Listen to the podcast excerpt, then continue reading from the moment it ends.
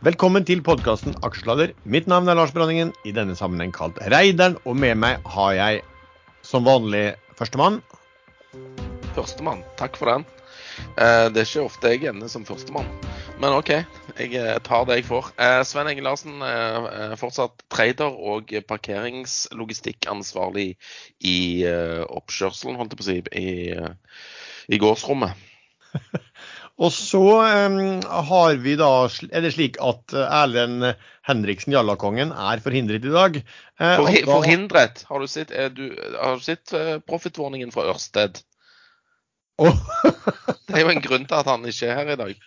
Det, det, det, akkurat det klarte jeg ikke å koble, da, men det var jo bra du gjorde det. det, er jo, det er jo, ja, han er fraværende grunnet profit warning, kan vi si da. Og da valgte vi å se oss rundt etter vi måtte finne en annen Erlend. Og hvem bedre enn Erlend Arnøy, gameren. Velkommen tilbake til oss.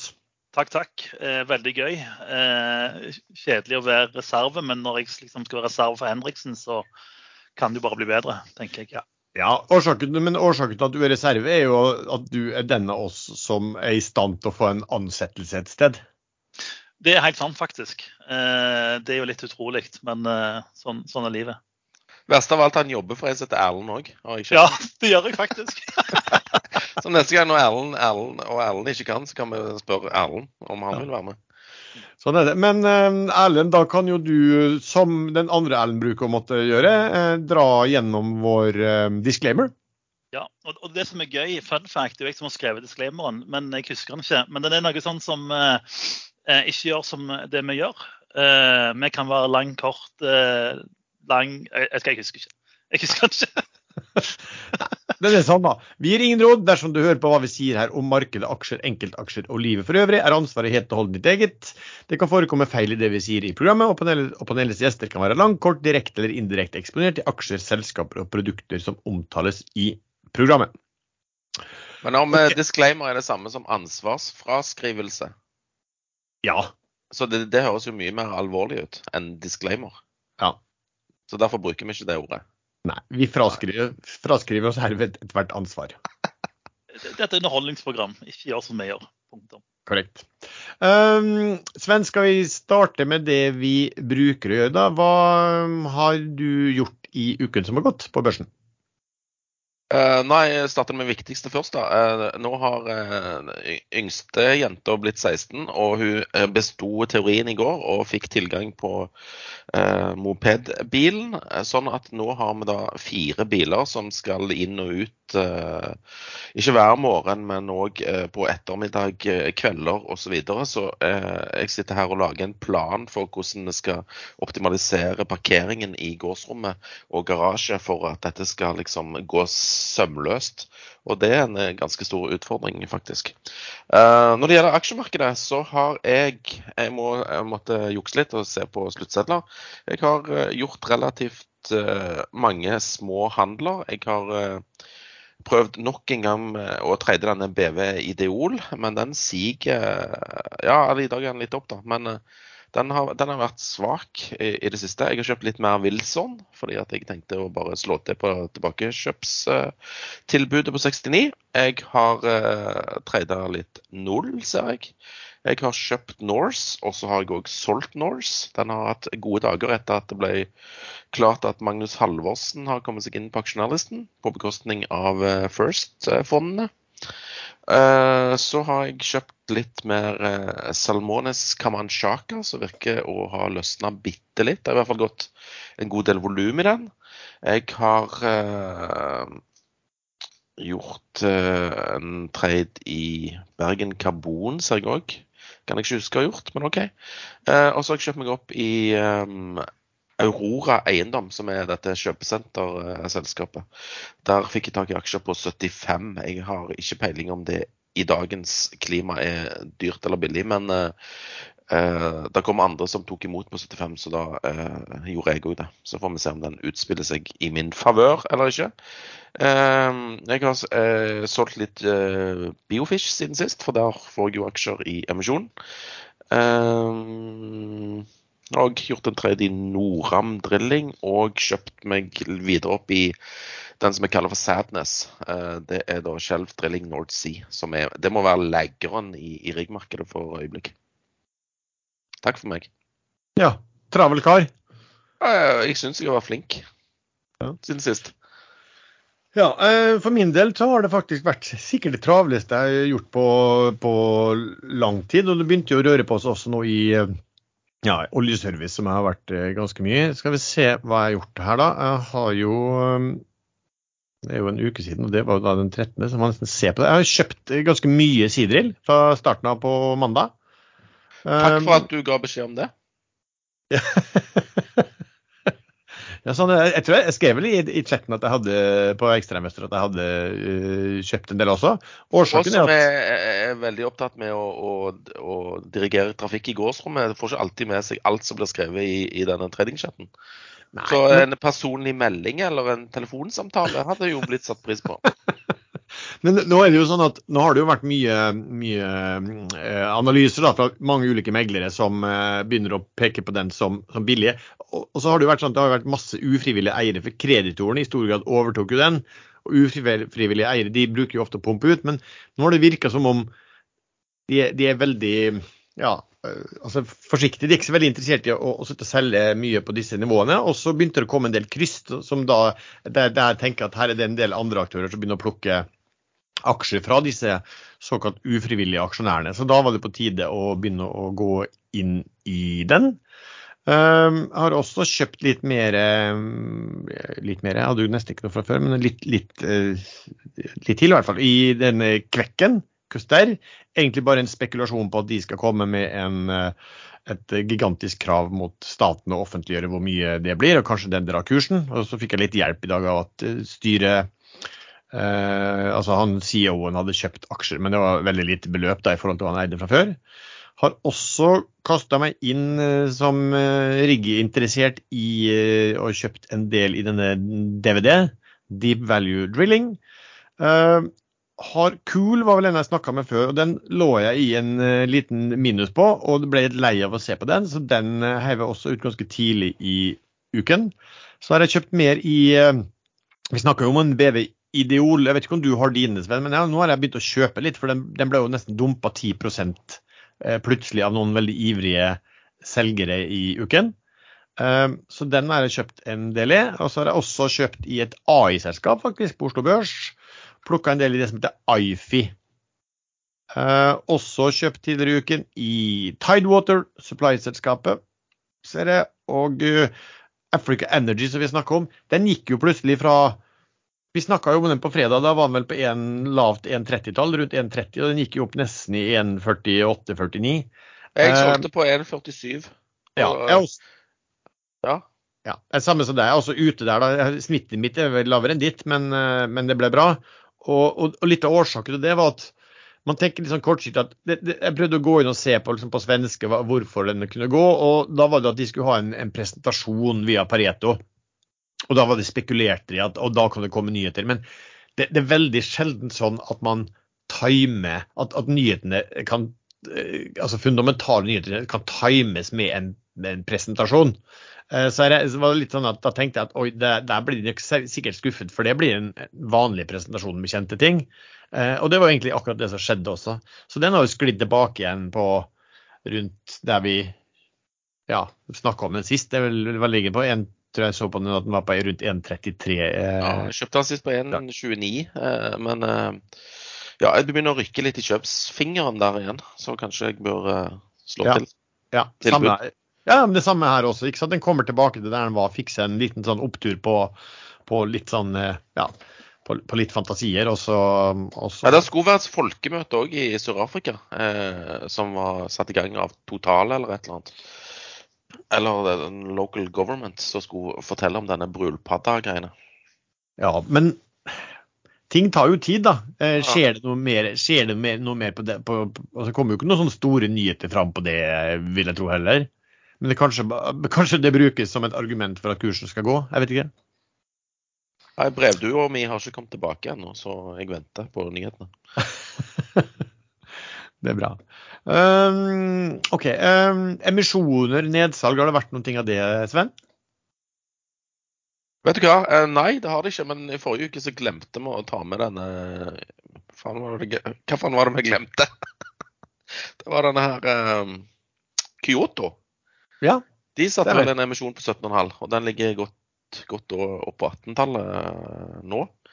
Jeg er usikker på om aksjene har kommet, eller uh, hva det er. Men uh, jeg var ikke med på den. Derfor jeg hadde jeg glemt den òg. Men uh, nå har vi i hvert fall nevnt den.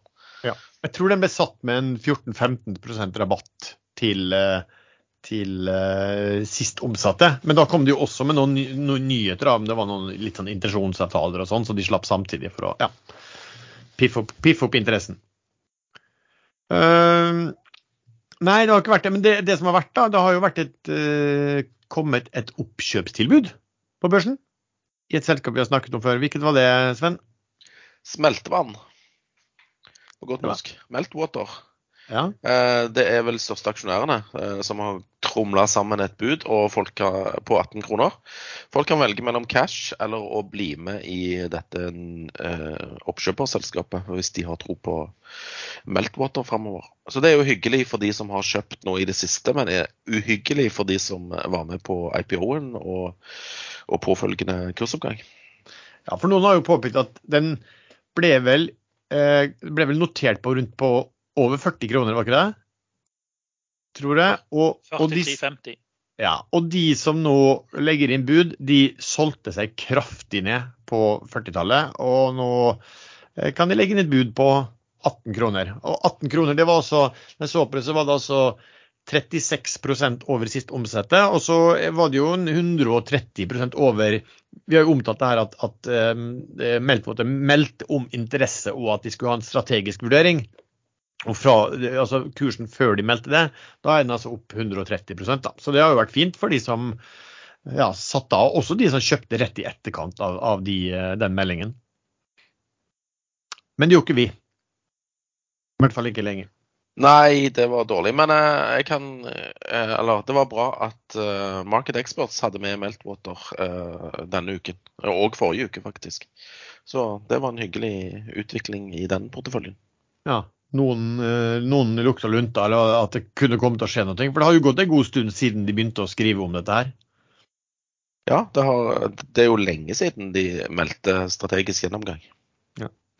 Um, jeg tenkte vi kunne ta den eh, da med en gang, siden jeg snakket om at jeg hadde kjøpt eh, Sidril. Så kan vi snakke litt om den, og, og kanskje rigg i starten. Um, nå har jo rigg, nå hoppa Sidril ganske mye da, de, hele denne uken her, men spesielt mye i går. I USA i går var den jo opp 12 og er opp eh, i dag i Oslo eh, ja, 7% 396 kroner ligger den på nå. Hva, hvilke rykter er det nå som har begynt å gå, Sven? Det burde jo du vite. Det er vel du som har satt ut disse ryktene via Edderkopp-nettverket ditt. Eh, I og med at du har fått lasta opp nok aksjer, så da starta liksom ryk, rykte rykteysteriet ditt. Uh, nei, uh, der går rykter om at uh, veldig spesifikt uh, TransOcean skal eh, legge inn bud på hele selskapet. og Det kom en mail fra Pareto litt tidligere i dag som sa at hvis dette stemmer eh, altså Dette må vi ta med mange mange klyper salt. For jeg syns det høres i utgangspunktet rart ut at noen skal gå ut og si at ja, vi, vi tenker å kjøpe Sidril til en aksjekurs mellom 65 og 73 dollar, liksom, per aksje. Uh, og skjer det, så, så, er jo ikke du tilsnakkende resten av året, vil jeg tippe. Uh, så det håper, da, håper, vi jo da ikke skjer. Um, ikke sant? Uh, Nei da.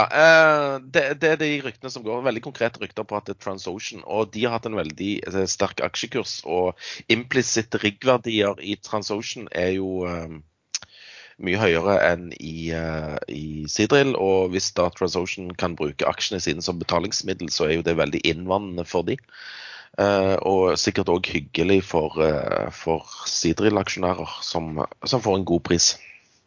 Ja, for jeg tror at de altså det, de har jo vært noen regnestykker, og for tiden så er det jo veldig mye Det kan komme regnestykker på riggsektoren. Fernli, Astrup Fearnley hadde også sånn energikonferanse i uken der, der analytikerne var ekstremt, de var ekstremt bullish på riggsektoren per se. Men så er det jo alltid interessant at de sitter og regner på hvordan de ulike prises eh, i forhold til hverandre. Eh? Du, finner en pairs, og så prøver du da å, å, å regne ut hvilken skal du inn i. Hva, hva er de billigste i, eh, i, forhold til hverandre. Og det har jo vært kjent i lang stund at man har, man har regna på altså, de har jo ikke de har jo ikke samme type flåte alle sammen, og de, de, ikke, og de har jo ikke samme type rigge og det er ulik alder og alt det her, så det blir jo fort litt sånn epler og pærer, da. Men de har prøvd å regne ut en sånn implisitt verdi per, per, per rigg, og der har vel Jeg så at Pareto lå vel en i forhold til Sea Drill, så ble, ble altså TransOcean Jeg tror de hadde en 40-50% høyere implisitt verdi. Uh, og da er det vel det de tenker. altså Jeg vet ikke hvor de ryktene kommer fra. De kommer fra Norge og, og, og, internasjonalt, det er vel det man Hvem sier. da. vet ikke hvor ryktene kommer fra.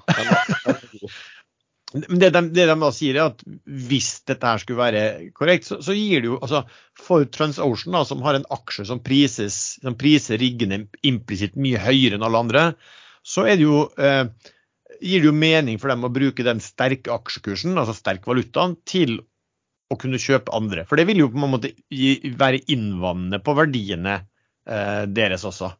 Og så Ut ifra det er vel da de, de eh, Altså basert på det, det bytteforholdet, og, og, hvis det skulle være jevnt, det er vel da man snakker om at, liksom, at du kunne hatt en pris på eh, 600-700 kroner per, per Sidril eh. Så, men altså, vi som har vært med litt, Sven, vi, vi vet at det, er, det kommer veldig ofte eh, rykter i dette markedet her. Um, og, og, det her kanskje utløst litt av seg, så at uh, TransOcean hadde vel uh, tatt obligasjonslån på noen milliarder dollar var ikke det sånt, i løpet av uken. Um, så, så, ja. Uh, jo, men det var primært for å løse inn uh, andre obligasjonslån som forfaller snart. Ja. Men uh, jeg, jeg kikka på plansjen som jeg fikk fra, fra Pareto, da, og implisitte riggverdier som vi snakker om. Ehm, det er på TransOcean 385 millioner dollar per rigg. DVD-en er nede på 209. Uh, Diamond 274 per rigg. Valaris 272. Og Sidril før dagens oppgang på 250. Uh, så de i forhold til 385 hos TransOcean, så, er, så, virker jo de billige, da. Det billigste er jo DVD, men det er one, one Hva det heter for noe? Ja, Ett riggselskap, da. De har bare én rigg. Det er en singel ja, så De har ikke noe flåte, de har ikke noe flåt å snakke om. Og, ikke, og den, er vel, altså, den er heller ikke i, i jobb. Den er warm-stekt, ikke det? Eller, ja, ligger, ligger og dupper inne i Ølensvåg, faktisk. Ja. Så vi burde hatt en spion der som uh, fikk sjekke om det kom noen amerikanere eller et eller annet og kikket på jo, men uh, den er vel liksom sånn, altså i hvert fall for sånn TransOcean så ville jo det vært helt uinteressant, vil jeg tro, å, begynne å bruke tid på å kjøpe én rigg ja, ja, som har en kjempeflåte, ikke sant. Men, men det, det, som er det, det, jeg gjorde i dag også, når jeg, når jeg så at det kom eh, den, eh, det ryktet der, så kjøpte jeg eh, mer i DVD. Det var bare litt for at OK, den ser jo ganske rimelig ut og helt grei ut uansett, men hvis det skulle være noe i dette ryktet her, så vil jo, så vil jo den, og sannsynligvis hele riggsektoren, bli trukket oppover. Da blir det jo liksom Da kan det jo fort bli den implisitte verdien av, som, som på, på TransOcean, at, at de andre begynner å bli Eh, rykka opp, eh, opp, opp, opp, mot den og tilnærmet hverandre. Uh, har du, men du eier, Sven, du eier null, er det så? Uh, akkurat per nå så er det kun uh, Sadness jeg, jeg eier. Og den er litt sånn trist. Det er trist utvikling. Jeg er litt oppe i dag, da. Det er, det, det, men det er den der um, utskillinga fra Skjelv, det? Ja, De kjøpte opp Noble eh, og Drilling Company of 1972 sine eh, jackuper. Noen av dem i hvert fall. Så de måtte selge pga. Konkurransetilsynet. Ja. Så de opererer i Nordsjøen. Eh, de har en stor der som er veldig mye verdt, og så har de en del litt mindre. De går på litt sånn eh, litt lavere kontrakter enn det de burde gått på hvis de var slutta nå. Men eh, de vil jo gå av disse kontraktene i år, noen av de, så da regner jeg med at de vil få bedre betalt framover. Mm. Og, og, analytikerne ligger vel mellom 35 og 45 i, i, i target price, og han ligger på 24 nå. Så tenkte jeg at den kommer en eller annen gang. Ja, og, og, som sagt, hvis det begynner å skje transaksjoner her altså Det som ryktet som har vært før, er jo de, egentlig de som er mest i riggsektoren nå. Det er jo Valaris og Sidril. De har jo vært snakket om at en sammenslåing av de to. Det er jo fordi at eh, Jon Fredriksen eier en god del av Sidril, og han eier vel også mye han eier, 15-20-30 av, Han eier i hvert fall en god del også av Valaris. Um, sånn sett. Men det, man skal jo bli enige om, om uh, om bytteforhold her også, ikke sant. Ja. Men jeg, eh, du la merke til at Fredriksen sparka han der number one-guyen sin i shipping og rigg her i, i, uken. Ja, det gjorde jeg. Men han har jo altså, Det er jo ikke første gang han har sparka sin topp innenfor det området. Det er sant. Det, det skjer vel. Men har du noen tese på hvorfor, hvorfor det? Uenighet om veien videre, kanskje? Ja, det har jo vært litt Kan jo også være tilknytta til eh, Frontline som eh, bøy på eh, den derre Euro, vet dere den? Tank, andre tankskipet. Euronav. Euronav, ja. Og så trakk de budet, og så Ja, det kan være en fuck-up der. Ja, ikke sant. En uenighet der, da. Det, det, det vet man jo aldri. OK. Um, Erlend, skal vi gå inn litt på ditt spesialområde? da? Altså, uh, vi har jo i ditt fravær snakket ikke så mye om krypto, men litt, vi har jo snakket litt knytta til alt dette her med han uh, Bankman Fraud og, og dette her. Og, men, men hva, hva, hva, nytt har du å bringe fra kryptoverden? Hva, hva, er status nå? Nei, Nå kom det jo en kjempenyhet i går. Et selskap som heter Genesis, de har søkt om chapter 11, som vel best kan oversettes til en kontrollert konkurs. Eh, det Genesis har levert, er utlånsprodukter. altså De har eh, latt andre aktører låne penger av seg, og så har de på en måte solgt produkter hvor du kan få høy rente. Og så har det vært mye rykter om de at eh, kanskje regnskapet ikke er helt korrekt. En av de aktørene som er mest rammet, er Gemini, som på en måte er den børsen som eier disse Winkelvoss-tvillingene i USA. Så jeg kjente de. De var noen OL-utøvere. Eh, og de, de var med i den der eh, filmen, vet du, The Social Network. Stemmer det. De hadde en historie med han eh, Zuckerberg. De hadde et produkt som het Gemini Earn, hvor du kunne ta kryptoen din på Gemini, og så kunne du få renter på den. Og Det produktet var jo levert av Genesis. Og Genesis og Gemini hadde en diskusjon i fjor hvor Genesis viste et regnskap som sa at vi har full kontroll. Og nå ser det ut som det regnskapet ikke var korrekt. Så eh, ingen vet helt hvor mye penger som er vekke. Men det er noen store hold i det regnskapet, og ingen vet helt hvem som er ramma utenom Gemini. Så det kan på en måte være flere store børser rundt omkring som har brukt produktene til Genesis, som på en måte nå har mangler kundene sine penger. Men det, bare for å gå tilbake, altså, for å skjønne helt hva disse Genesis gjør. Er det så, Låner de inn kryptovaluta og låner de samme kryptovalutaene ute, eller er det det de holder på med, eller? Ja, det er korrekt. Så egentlig, de la... det er egentlig en bank, egentlig? En uregulert bank, faktisk. Ja, ja. ja. Eh, de lager, lager, lager, renteprodukter med kryptoen din, og så får du sant? Så du, du, sitter liksom hos eh, Gemini og så oi, du kan få 10% rente på bitcoin din. Kjempekult. Eh, jeg gjør det. Og så viser det seg jo at eh, ja, du har ikke kontroll på hvem som egentlig låner hva. Uh, og Det er det, som har felt flere aktører i det siste, at det er, det er ingen som helt har kontroll på hvem som skylder hvem penger. og så når, når en aktør går konk, så bare ruller det videre. Uh, så, Men kunne, kunne de ikke brukt sånn blokkjein-teknologi til å finne ut av hvem som eide hva? jo, de burde jo det. Men uh, men det er tydeligvis ikke, da. Eh, så det, det, er litt spennende, faktisk. fordi er, utenom Gemini så vet vi ikke helt hvem som er, hvem er ramma. Eh, sånn for ordens skyld, det er ingen norske børser. Det, vil si, det er bare to børser i Norge. Fire i Unbex. Ingen av de tilbyr låneprodukter, så ingen av de kan være ramma eh, overhodet. Eh, så det er, liksom, det er den siste bomba som, som landa i går. Eh, ellers har jo krypto eh, steget en del. Eh, jeg så noen rykter om at eh, noen mente at oppgangen i bitcoin kom eh, samtidig som alle flyene i USA ble satt på bakken pga. en ukjent datafeil. Så noen mente at her, her, var de hacka og har betalt bitcoin. Det stemmer nok ikke. Men det de store aktørene i markedet sier, er at det virker som selgerne har slutta å selge, og da begynner ting å stige. Og når ting begynner å stige, så er det folk som har gira bedre posisjoner, som blir likvidert. Og så får du en sånn effekt som gjør at eh, alt dras oppover. Det var en eh, kryptoekspert i Finansavisen eh, som påsto at det var short eh, squeeze i, i, i, dette kryptomarkedet. Er det noe du eh, ja. har følt på? Det, er, det, er, litt gøy, fordi blokkjede er jo åpen. Og veldig mange av de store børsene de rapporterer jo eh, når store posisjoner blir likvidert. Eh, så du kan følge en sånn bot på Twitter som på en måte poster alle eh, store posisjoner som blir likvidert. Der ser du typisk Hvis bitcoin hopper 5% så er det en haug med bærposisjoner som blir likvidert. Eh, så det har nok vært noe, noe short squeeze. Eh, men volumene generelt er ekstremt tynne. Eh, altså Den oppgangen som er nå, er på veldig tynt volum. Så de som tror på en måte at yes, nå er det nytt bullmarked, ja, jeg tror ikke det. Jeg blir veldig overraska om denne oppgangen varer lenge.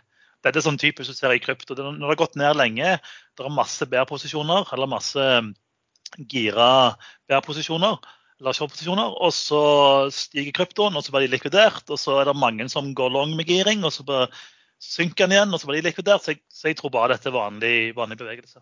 Du, altså, sånn utad, det kryptomarkedet det, altså det, det, virker jo nesten som den reneste store svindelbordet. Altså det, eh, de, altså det du sa med at noe som har store hull i regnskapet, det gjelder jo, virker som altså, eh, som det gjelder hele bunten. Altså disse her F, eh, hva heter det, FXT. FTX, ja. ja. De, de, hadde vel altså, Det var vel noe, det var vel helt latterlig regnskapsføring her. Det var så amatørmessig at det var vel noe, altså, var, det ikke sånn at de hadde brukt sånn regnskapssystem da, som skulle egentlig bare brukes på enkeltmannsforetak og et eller annet sånt, som var helt, helt latterlig. Og jo, disse her eh, Bit, Bitfinance, er det det også? Og de her som heller ikke påstår at de kan ikke bruke gode revisorer for at de revisorselskapene ikke skjønner regnskapet. Ja, altså, jeg har, nå har jeg jo akkurat sett den her eh, Netflix har en serie om eh, han Bernie Madoff. Eh, og på en måte, Du får jo altså Du har eh, dårlige aktører overalt. Altså FTX har jo drevet ren svindel, rett og slett. Eh, og det har de på en måte lykkes med fordi ingen har skjønt hva de holdt på med. Og så har de jo betalt eh, Nå kom det liste over hvor mange politikere i USA som har fått penger av FTX, og den lista er jo dritlang. Så altså, råtne egg finner du overalt. Eh, så, så, enkelt er det bare. Altså, det, er det lettere å være råttent egg i en, eh, i en, uregulert bransje, da, tydeligvis. Mm. Men tror du, hva, hva, kommer til å skje med, med bransjen? Altså, hva, hva, er det noe sånn trekk du ser nå, altså, når du begynner å få alle disse her store og kjente aktørene som, som, som går over ende? Ja, altså, du, de, dårlige, altså, de, dårlige, aktørene ryker jo. sant? Altså, De som har drevet utlån med, med sinnssykt høye renter. Altså eh, folk liksom får 20-30 renter på, på, pengene de låner ut. Altså, alle husker jo når Island konka, du kunne få liksom 12-18% i bankene der i, i månedene før. Så, så, liksom alle de dårlige aktørene konker, og så er det på en måte de gode aktørene som ikke har drevet tull, som, som overlever. Og så kommer det jo òg nytt regelverk i Europa eh, som rammer krypto, den her Mika, eller hva det heter. Eh, og Det vil jo gjøre at eh, flere av de aktørene i dag ikke vil på en måte kunne drive videre, for de har ikke mulighet for å på en måte etterleve det regelverket. Så du får liksom en modning i bransjen hvor dårlige aktører forsvinner, og, gode aktører de på en måte overlever og varer videre. Er det noen spesielle, altså Av de ulike da, kryptovalutaene, er det noen av de som har klart seg en del bedre enn de andre, som har blitt mer populære på andres bekostning? Nei, altså, Bitcoin og Ethereum lever jo alltid videre. Eh, ja. Men jeg tror jeg leste det var sånn 20 30 40 000 uh, forskjellige coin. Sant? Og hva skal man med så mange? Så jeg, jeg tipper jo de, de beste, de, de, som har et økosystem, altså der på en måte du kan bruke den til noe, de overlever. Og de som på en måte bare er lagd for moro skyld, de, de, dør ut. Mm. Men igjen, altså, alt dette er jo helt umulig å spå. Sant? Altså, det, ja, eh, den, den som lever, får se, ja. egentlig. Jeg syns uh, kommentaren til Sven var veld, veldig god. At uh, det, alt dette skal være basert på, på blokkjede som de har lovpriset. Og så, og så klarer de ikke å ha, uh, klarer liksom ikke å ha kontroll på noe så enkelt som et regnskap. som, ja. Nei, altså FTX har jo gått inn for å svindle. sant? De, de, har jo på en måte bygd hele driten sin for å svindle. De, altså, de har jo lagt ned all sjelen sin i å drive ulovlig, virker Ja. det som. Så da er det liksom se, Igjen se på Madoff. sant? Han drev jo et av de største fondene i USA i hvor mange år. sant? Eh, Så går man virkelig inn for å være kriminell, så tydelig at det, det funker, da. Helt til man blir tatt. Eh, jeg vet du, du hadde også en sånn kommentar på at du hadde sett noe om at de unge var på kjøpersiden av krypto. Ja, det var faktisk eh, det var en eh, artikkel eller Firi som, som posta det, at eh, 10 av, eh, av eh, unge mellom 20 og 25 i Norge eier nå krypto i Firi. Firi er jo den siste børsen i Norden.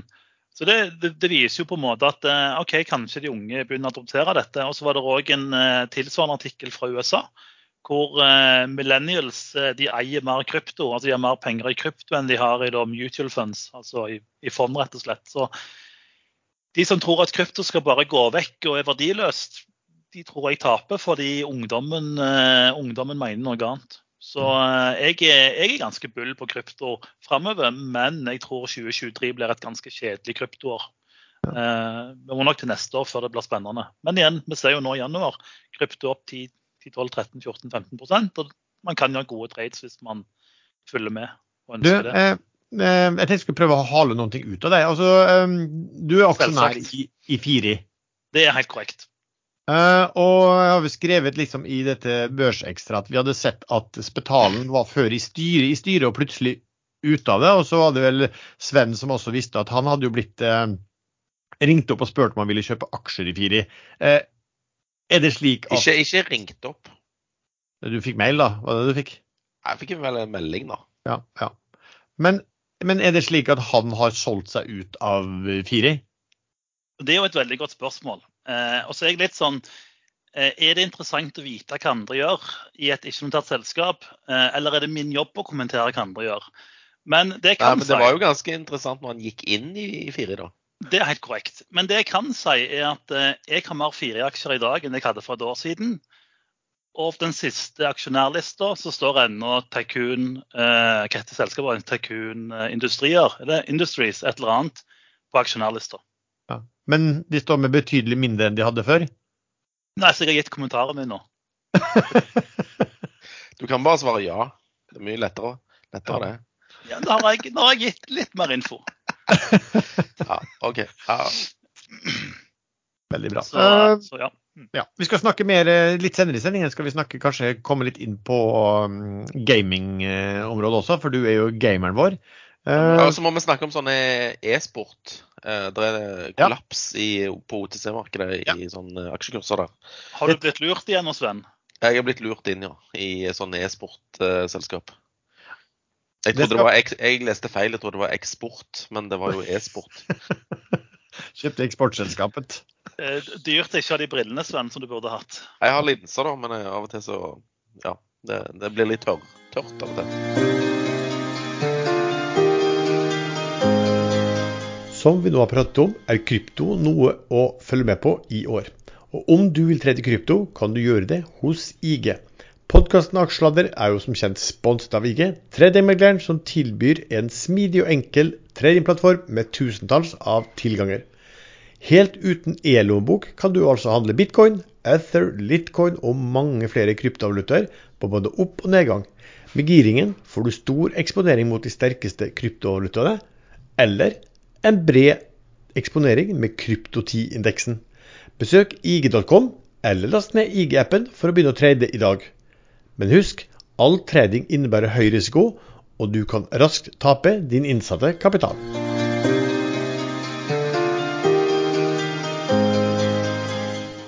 Men først så kan vi jo kaste oss litt inn på Vi bruker jo nevne litt om uh, makro. Uh, Sven, uh, da, husker du for Nå var det vel hva var det, rundt 2012, 2011, 2012, et eller annet sånt. Masse bråk rundt eh, problemet med å få økt gjeldstaket i USA. Vil si at ja, staten nådde grensen på hvor mye gjeld de kunne ta opp eh, som var tillatt dem av eh, politikerne. Og nå har de nådd dette gjeldstaket igjen. Det nåddes, ble vel nådd i går? Hva, kan du bare forklare litt? Hva, hva, hva kan dette innebære? Mintecoin, mintecoin. Ikke det de sier når gjeldstaket eh, blir eh, nådd? At da skal de bare ta og trykke opp en sånn én trillion dollar-coin. Og så plutselig har de har de en trillion til å gå på. Nei, det er jo det at de har nådd maksimal lånegrense. La oss tenke at de har et sånn fleksibelt lån med en øvre grense. Det har de nå nådd, og de trenger å låne mer penger. Så da må de øke grensen. Det er vel lett forklart. Det er ikke som at uh, kredittkort er tomt, og så låner du et nytt kredittkort? Nei, jeg vil si rammelån er bedre, fordi at rentene er en del lavere enn kredittkortrenter. Ja. Så la oss si at USA er en bolig, da. Så er det et rammelån på den boligen. Det er noen tak. Men uh, nå blir det vel det her litt mer altså Det var jo enkelt å gjøre dette her når, Det er ikke noen republikanere som er imot ytterligere gjeldsopptak. Uh, det var vel lettere når det bare var Eller når det var demokratisk flertall i begge kamrene. Ja, for du nødt til å altså de, Republikanerne har flertall i det vi kaller det Representantenes hus. Uh, og du er vel nødt til å ha de med for å beslutte en økning av gjeldstaket? Mener jeg bestemt. For det er vel det man, man skriver nå, at, at, det er de, som setter krav nå. De vil ikke uten videre øke gjeldstaket, og de vil da forlange kutt på områder som, som statsutgifter som de vil ha kuttet. da. Men det her er jo noe, altså jeg tror det sto at, at de kunne gjøre en del sånn spesialtiltak og, og, og, utsette en del betalinger sånn og sånn i USA, sånn at de kunne klare seg fram til, til sommeren. da. Men eh, hvis de ikke fikk økt dette her fra sommeren av, da, da begynner de å defaulte på, på forpliktelsene sine. Og det er jo dramatisk. Det er, det, det er, ikke bare det, som skjer. De stopper jo å betale lønninger til alle føderalt ansatte. Ja, sant. Så det kan jo bli så her kan jo bli, altså, og med, Uten at vi skal snakke politikk, så er det ikke noen tvil om at det blir valgt inn en del sånne rabiate fløy da, i, blant republikanerne, som sitter da i dette eh, Representantenes hus og, og, og vil hele tida legge eh, press. Så det er vel spørsmål om, om det er mer moderate republikanere som sørger for at man får økt dette gjeldstaket, eller om det er den fløyen som kommer til å sørge for at man ikke klarer å få, å få gjort det. Men alle vet jo at det ordner seg. Ja, altså Men det var jo ganske dramatisk for en tiår siden, og den gjengen her virker jo altså de, Disse virker jo ganske ekstreme. I ja, 'burning down the house', liksom.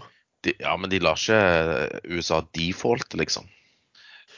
Nei, det er vel eh, Ja. Da, da, ryker, da ryker, jo den trippel A-en. Men det gjorde han jo sist gang òg. Ble jo nedgradert av uh, eneste kredittbyrået som tørde, som var Fitch. Stemmer altså, du, du, må se på sånn som med spikeren. Hvor mange ganger stemte de for denne Speaker of the House-greiene 12-13 ganger? Eh, de som på en måte stemte imot, de gjorde det jo bare for å få viljen sin. Og de fikk jo altså, så, så de som fremstår som rabiat, de gjør jo bare dette for å få gjennom sin politikk. Og så bruker de på en måte det middelet de har. Så jeg tror òg at dette ordner seg. Men at man nok må strekke seg ganske mye lenger enn det man ville for å, for å få alle til å stemme for. Ja, og det er spørsmålet hva som, hva som kreves. da, Pluss at det kan, det kan, jo bli ganske mye støy rundt det her. da, um, Framover nå de, de, neste måneder. Men det, det, er jo ikke noe som tyder på, uh, på, på, på, rentesiden akkurat nå, og kapitalmarkedet, at, at, at, markedet er noe, noe urolig for det. Um, så også sånn interessant i forhold til eh, makro, så er det jo alltid interessant internasjonalt å se på demografi. Og Nå kommer Kina med tall som viser at folketallet der ble faktisk redusert for første gang siden tror jeg, 1961. Og det var også sånn at uh, antall altså fødsler hadde jo falt noe voldsomt også. Så nå uh, FN antar vel at folketallet der skal falle med en sånn ca. 7 da, fram mot 2050.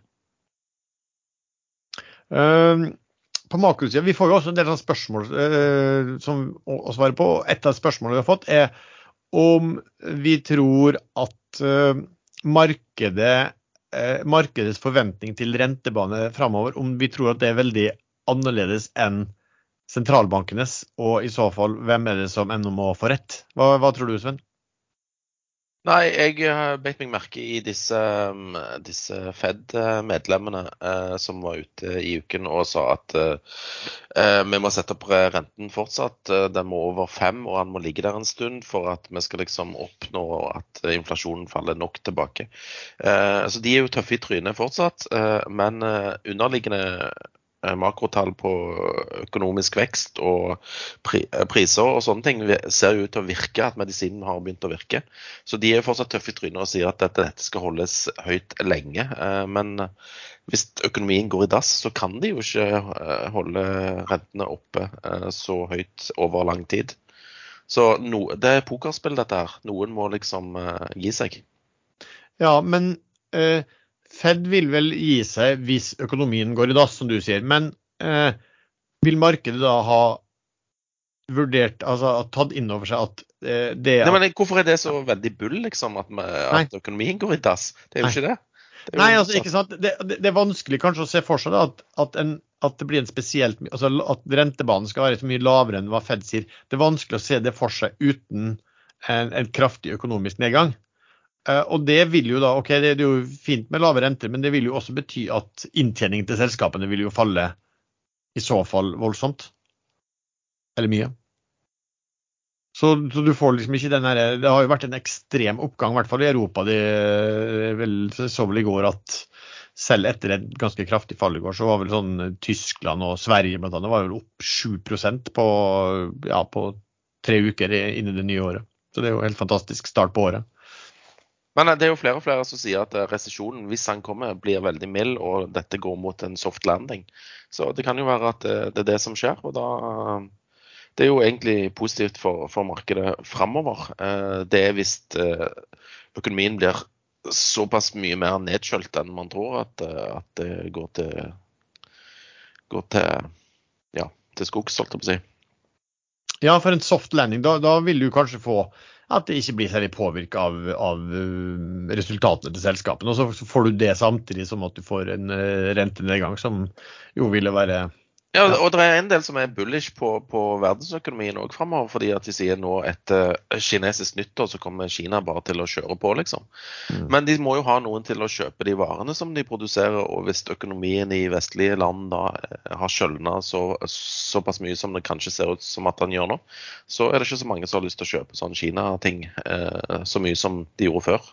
Ja, men nå så dere internasjonale IMF, internasjonale monetary fund, og eh, var ute og sa at de så for seg den globale veksten nå var bedre enn hva de hadde sett for seg bare for eh, noen uker siden. Og Det samme sa ECB vel om Europa også, at det så litt bedre ut nå enn hva de hadde trodd bare for, for få uker siden. Så det, det, det, er jo noen ting som kanskje går i retning, altså hva de sier, går i retning av en soft landing. Men så skal man huske på da, at sånne type, de som uttaler seg fra sentralbanker og, og type IMF og alt der, de, de, eh, de, de forsøker også å styre markedet. da.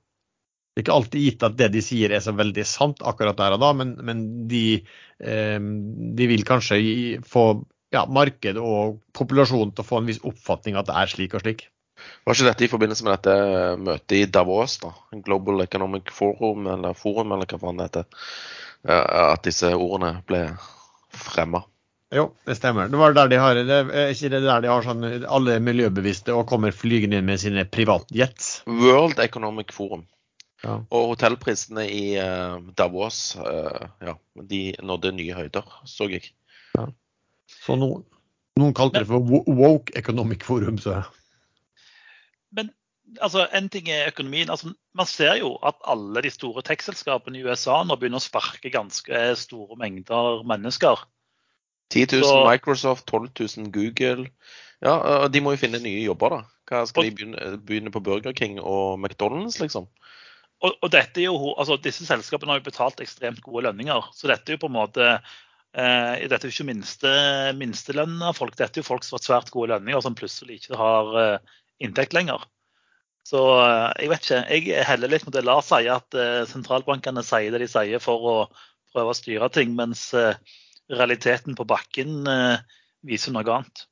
Men makrotall fra USA har jo vært ganske sterke både altså på, på, hvordan de skaper nye jobber og hvor mye ledige jobber det finnes i forhold til altså det, er jo, det, er jo, veldig lav arbeidsledighet der. Men, men, det er jo sånn, også sånn den type statistikk at du, du får noen tall som indikerer det. Det er litt sånn sprikende tall hittil, vil jeg si. Men hittil så, så er det i og for seg ganske bra. Altså, du, du ser ennå ikke i hvert fall en sånn stor ned, økonomisk nedtur i, i, USA.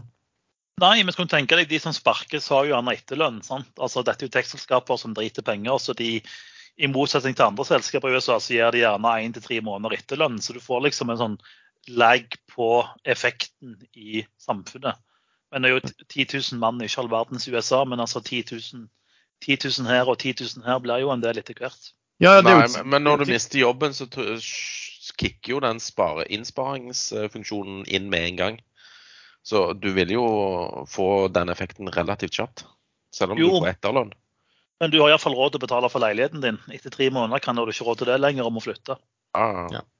Ja, og du vet, også, du vet jo også på selskap, når de, når de sier opp ansatte, så, så, vet du jo også hvordan det også vil ramme underleverandører fra, fra de også. ikke sant? For de som ja, bruker mye av de, den typen. Um, vi har jo, vi snakka mye her om det grunnrenteforslaget på grunnrenteskatt på, på lakseoppdrett. Nå så jeg også at, Men lakseaksjene har jo gått veldig, veldig bra de siste ukene. Og nå så jeg det var vel først, det var vel Kepler nå som kom ut med, med, ganske kraftig økte kursmål, fordi at de tror at grunnrenten ender opp med å ikke bli det foreslåtte 40% men å bli 25 i stedet. Har du noe, noen av dere som har noen tanker på det? Sven? Jeg håper vel egentlig at han får rett, men eh, nå har jo finansministeren virka ganske steil på at det blir 40% så Men det kan jo være et forhandlingsutspill. Tror du Erlend? Nei, altså den, den, de, den, må jo komme. Altså de, de har jo satsa alle velgerne sine på at dette skjer. Så, men om at de gjerne justerer, det kan jo være. Gi, gi laksenær eller oppdrettsnæringen en liten seier. Den, den, skatten kommer, det er jeg helt overbevist om. Men de vil at det skal forankres bredt politisk, så da må de jo ha med seg eh, i hvert fall Høyre på dette her. Ja, Høyre har jo holdt kjeft. De har jo, det lureste de har gjort, er jo bare å sitte stille og ikke si noen ting. Men har ikke Høyre var ikke de når man opprinnelig hadde den der, kommisjonen som foreslo grunnrenteskatt, var ikke Høyre da enig i det? Jo, men de la den i skuffen. Ja. De brukte laksefolk, eller oppdrettsfolket brukte så mye penger at de klarte å torpedere hele, hele forslaget før det ble forslag. Men kom det ut noe forslag eh, sånn tallmessig, hvor mye de foreslo? Tror det det, jeg lurer på om det er det samme som, som, som nå er foreslått. Ok. Jeg trodde ikke de kom så langt. Jeg trodde de, jeg trodde de stoppa, stoppa, før de kom til et resultat. Uh, nei, jeg tror den kommisjonen kom med, en innstilling, altså, så, så, ble den så, lagt i skuffen. Og så må de jo, det er jo akkurat det, Du må jo gjøre det bredt. Du kan jo ikke ha sånn at den ene regjeringen foreslår det, eh, og så kommer en ny regjering og så tar det bort og så kommer den nye regjeringen og foreslår det. Det blir jo bare helt håpløst. Så, så de må jo bli enige. Og, men det, det, kan jo være at en del av kjøpt, da, basert på at den eh, du har en opsjonalitet der da, som som er, selvfølgelig interessant på en del av de selskapene. Kanskje de som rammer hardest, sånn som SalMar f.eks. Og, og det ser man kanskje på, på, på jo, men hva hvis, hva hvis, det blir 40 da? Da får du jo kjempenedgang igjen. Ja, i hvert fall så taper du i hvert fall den hva skal du si, opsjonsverdien der. Eh, så ja ja, jeg vil, jeg vil, jo egentlig tro det, at hvis det blir stående, at, at nå har man eh, innbakt at en, i hvert fall en viss sjanse for at det blir eh, lavere grunnrente.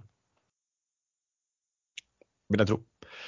Uh, ja, skal vi snakke litt om, om, gaming? Da? Vi kan jo starte med um, din store suksess, altså, som du er ivrig på å snakke om, Sven, innenfor e-sport eller eksport. Få høre, hva, hva, hva, tenker du om den bransjen? Erlend? Sånn, det var rett knapp. Nei, altså Sven nevnte jo her i, i forpraten at han hadde blitt lurt inn i noe e-sportgreier og lurte på om det var lurt. Nei, på, på, ja, på OTC så er det to selskap som driver på med e-sport. Det ene er Zero Zero Nation, eh, og, som tidligere het Nordavind. Eh, så er det sånn Stian Blipp og, og Var det Trøem som var med i det, i det selskapet? da? Som ja, iallfall mener han var Nordavind. Ja, men eh, de skifta navn, sa du, til noe litt tøffere.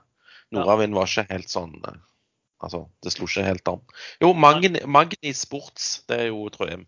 Han er største aksjonær med 19,92% Og Magnus Halvorsen òg er inne i, i, i, det selskapet. der. Og det har gått sånn fra type 15, nå er kjøperkursen 1 og selgerkursen 4,5. Uh, og så har du Heroic Group, som har gått fra 15 ned til faktisk én blank. Jeg kjøpte noen aksjer på én blank. Kjøpte noen aksjer òg på to. ikke mye, da, men jeg syns de falt så mye. Men jeg har fått inntrykk av at de må hente penger igjen. fordi OK, de har dobla omsetningen sin fra sånn 20 til 40 mill.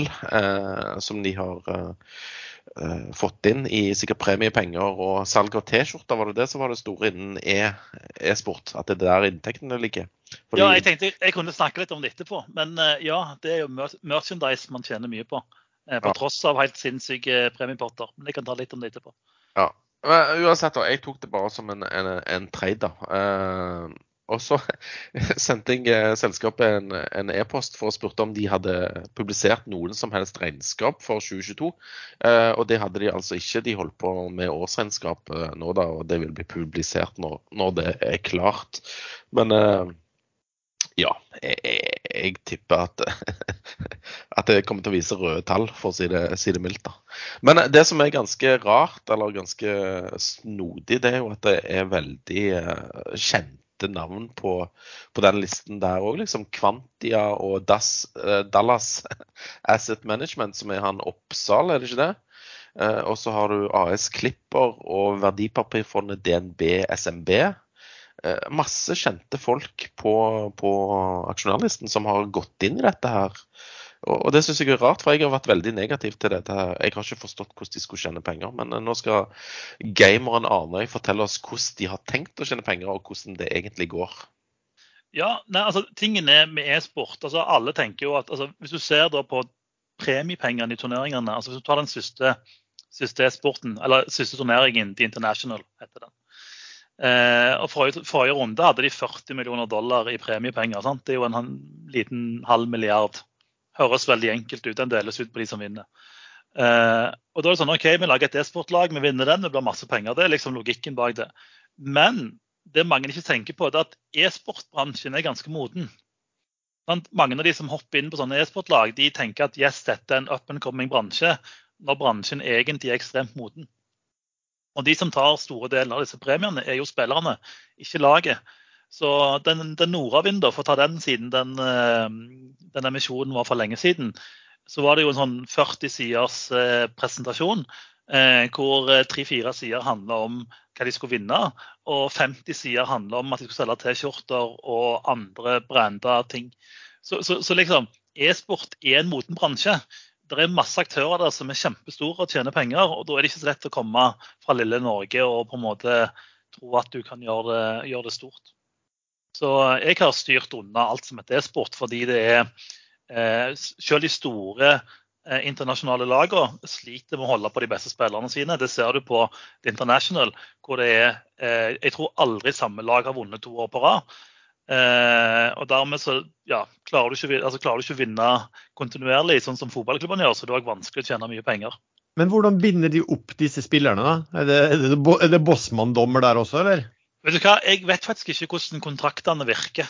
Eh, men, men, spillerne virker mye friere enn en fotballspiller, for å si det sånn. Ja. Eh, for det er altså, ja, International Nei, Jeg leste om, leste om, denne Heroic Group, da, som jeg har kjøpt noen aksjer. De hadde da gjort avtaler med sine viktigste spillere for, altså over en, altså en ny treårsperiode, tror jeg det sto. Så det er jo, det er jo en god stund, da. Sikkert ja. i, det, i det markedet her. Ja. Altså, jeg, jeg, vet ikke at jeg bare ser liksom at den eh, altså, The International er samme spill. De har holdt på i ti år. Eh, og jeg tror aldri samme lag har vunnet to år på rad. Eh, og Det sier ganske mye om på en måte hvor, hvor vanskelig det er. Og skal du, vinne, skal du tjene mye penger som en sportsklubb, så må du jo vinne, vinne alt hele tida over tid. Så jeg, jeg har styrt unna e-sport, eh, iallfall fra, fra lagsida. Eh, fordi eh, det, det, er vanskelig å tjene penger. Eh, du tjener penger på T-skjorter. Så caset blir egentlig at de prøver å dekke lønningen og sånn ved, ved, premiepenger, og så prøver de å gå med overskudd med å selge T-skjorter? Ja, det virker litt sånn. Altså, det er bare å se på den Nordavind-prestasjonen hvis du finner den i mailboksen. Jeg er sikker på at du har fått den du også, Så er det ekstremt mye merchandise, og de sammenligner seg med, med store, eh, store internasjonale e-sportlag som på en måte har et vanvittig merchandise salg. Men så liksom, hvor mange har hørt om Heroic? For å ta de som eksempel. Jeg har aldri hørt om de før. Jeg har aldri hørt om laget. Jeg har aldri sett sitt lag en gang. Så det er liksom nei, det, er en, det er en vanskelig bransje å tjene penger i. Iallfall for et lite lag fra Norge. Ja, altså, jeg vil jo tro at sånn merchandise, altså at de, de, Folk syns kanskje det er kulest å kjøpe merchandise på de som er store, kjente internasjonale altså Helt à la, helt à la fotball, da, der eh, norske fotballtilhengere eh, stort sett går med drakter fra eh, engelske fotballklubber også. Det er i hvert fall ingen som vil kjøpe sånn Molde-drakter. Ja, altså jeg, jeg, tenker jo at Det er større, større sjanse for at Sven går rundt i en Manchester United-trøye enn Solheim. Ja, det, liksom. Det skjer aldri. Du, Sven, Sven, Den var Sven. under beltestedet. Du, Sven, etter å ha solgt uh, han Fofana for 120 millioner til, uh, til Chelsea, så kan, må, vel, uh, må, vel, Viking selge sånn cirka tilsvarende 100 millioner skjorter, da?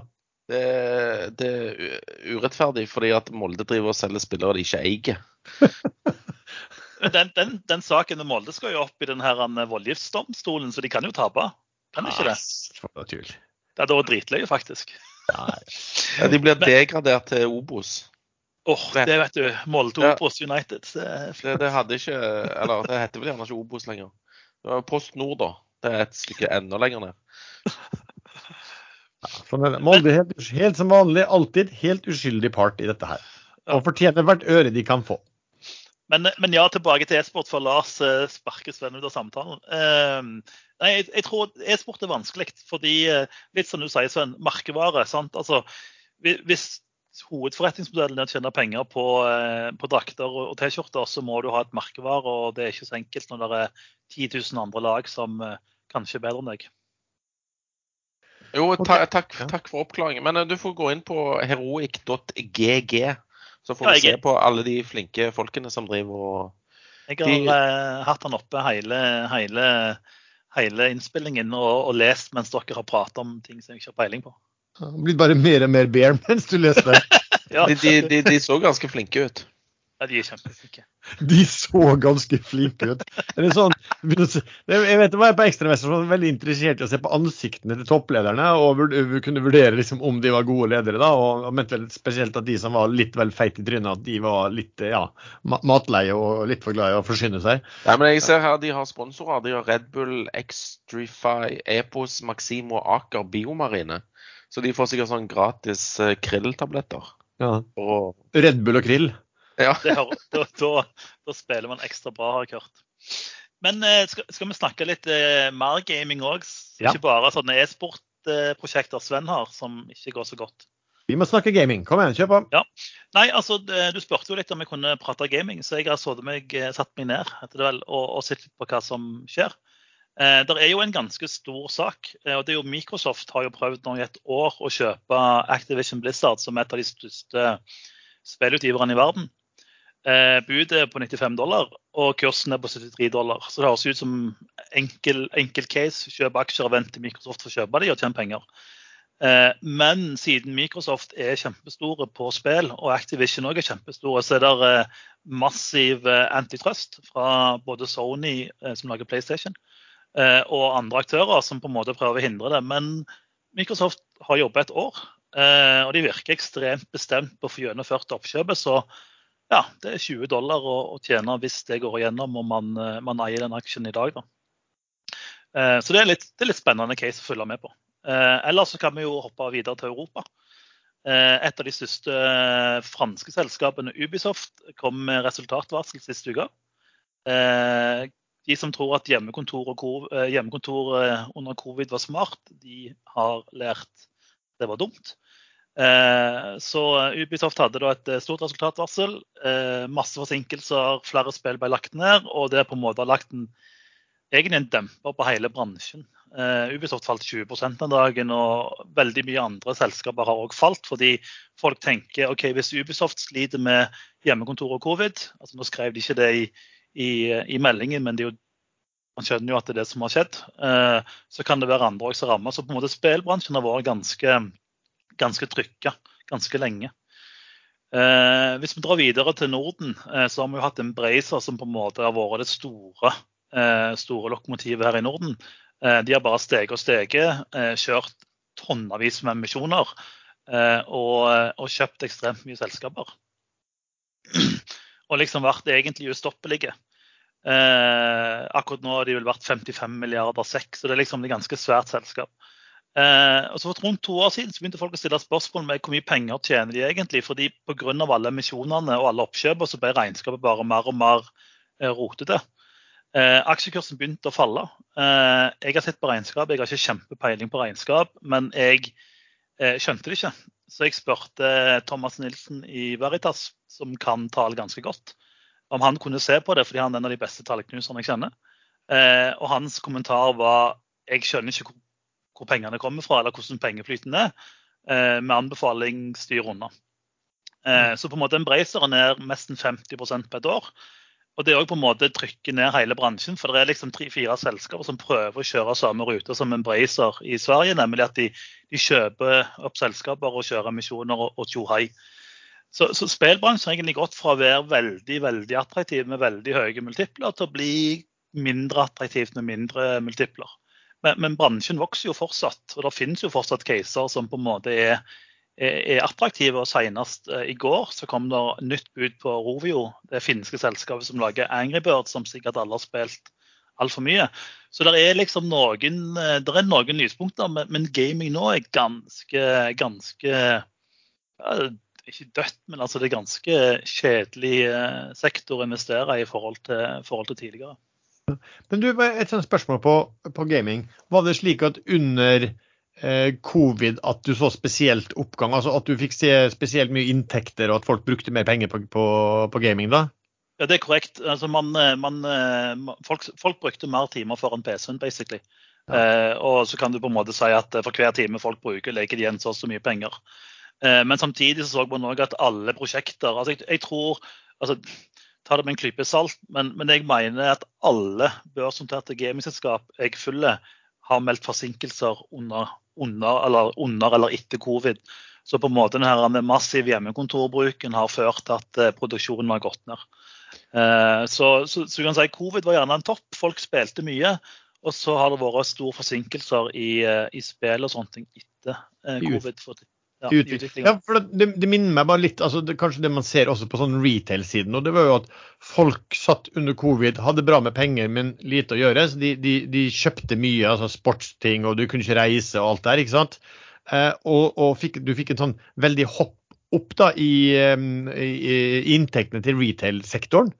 Mer og hoppa godt over hva skal si, grafen da, som viste liksom, den årlige utviklingen.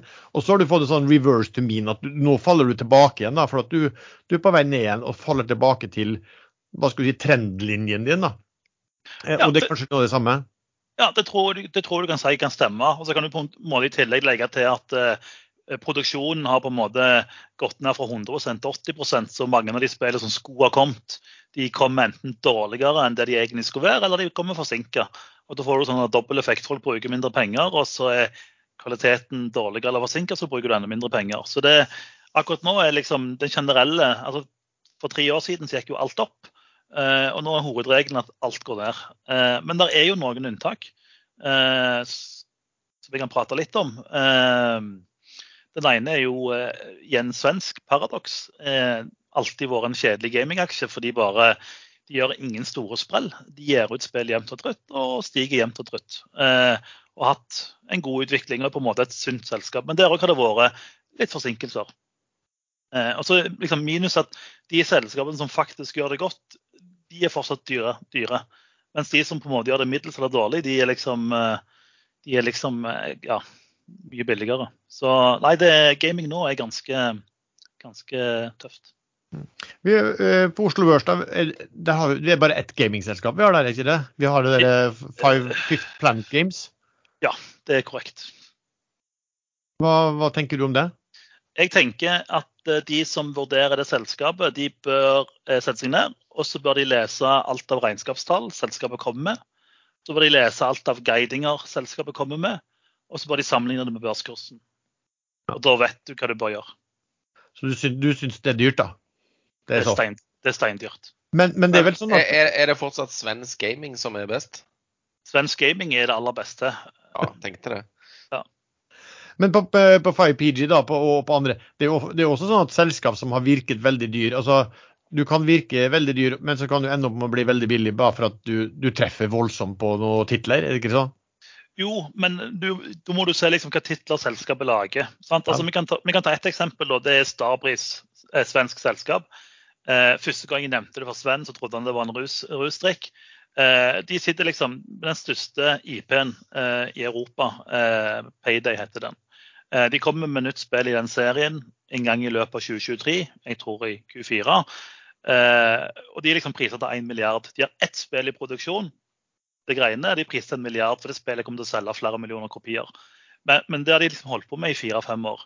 Eh, hvis et studio holder på med små prosjekter, eh, så er sjansen for at de lykkes og blir kjemperike, ekstremt liten. Altså, jeg nevnte jo Rovio. Sant? Angry Birds var jo et lite prosjekt som ble superpopulært. Men det er så ekstremt mange studioer som lager spill at sjansen for at et lite studio treffer, er veldig, veldig liten.